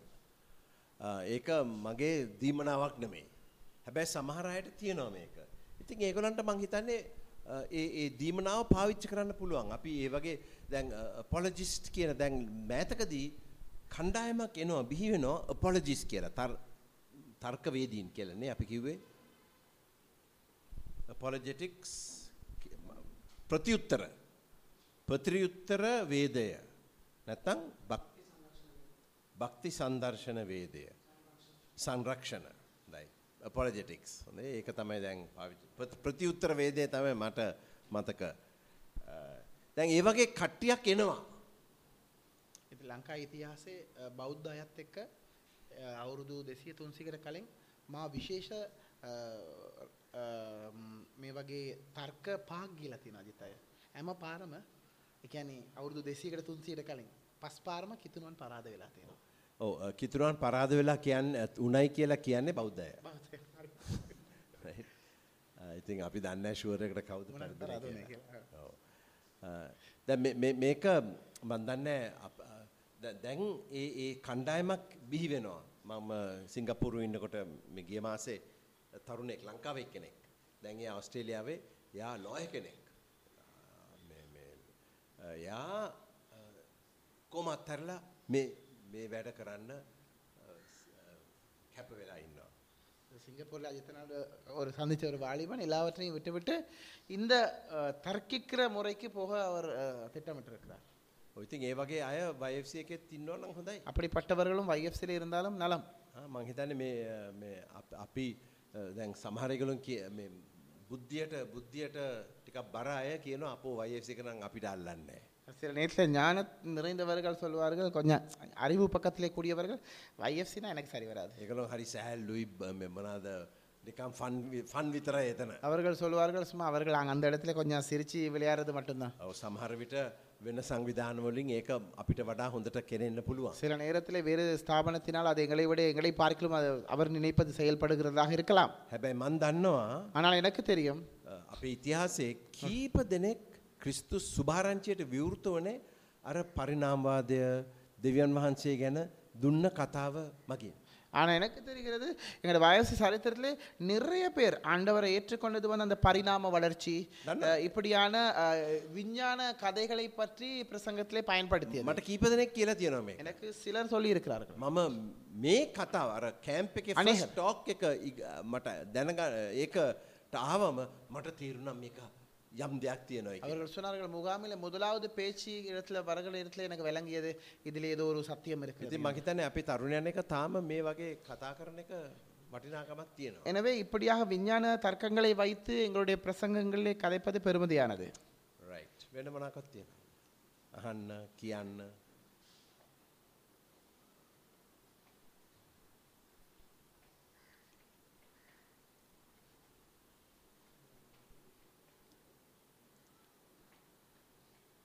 රයිට් එහෙනම් අපි යාඥා කරමු දෙවියන් වහන්සේ අ, විශේෂයෙන් මං කරුණු දෙකක් තමයි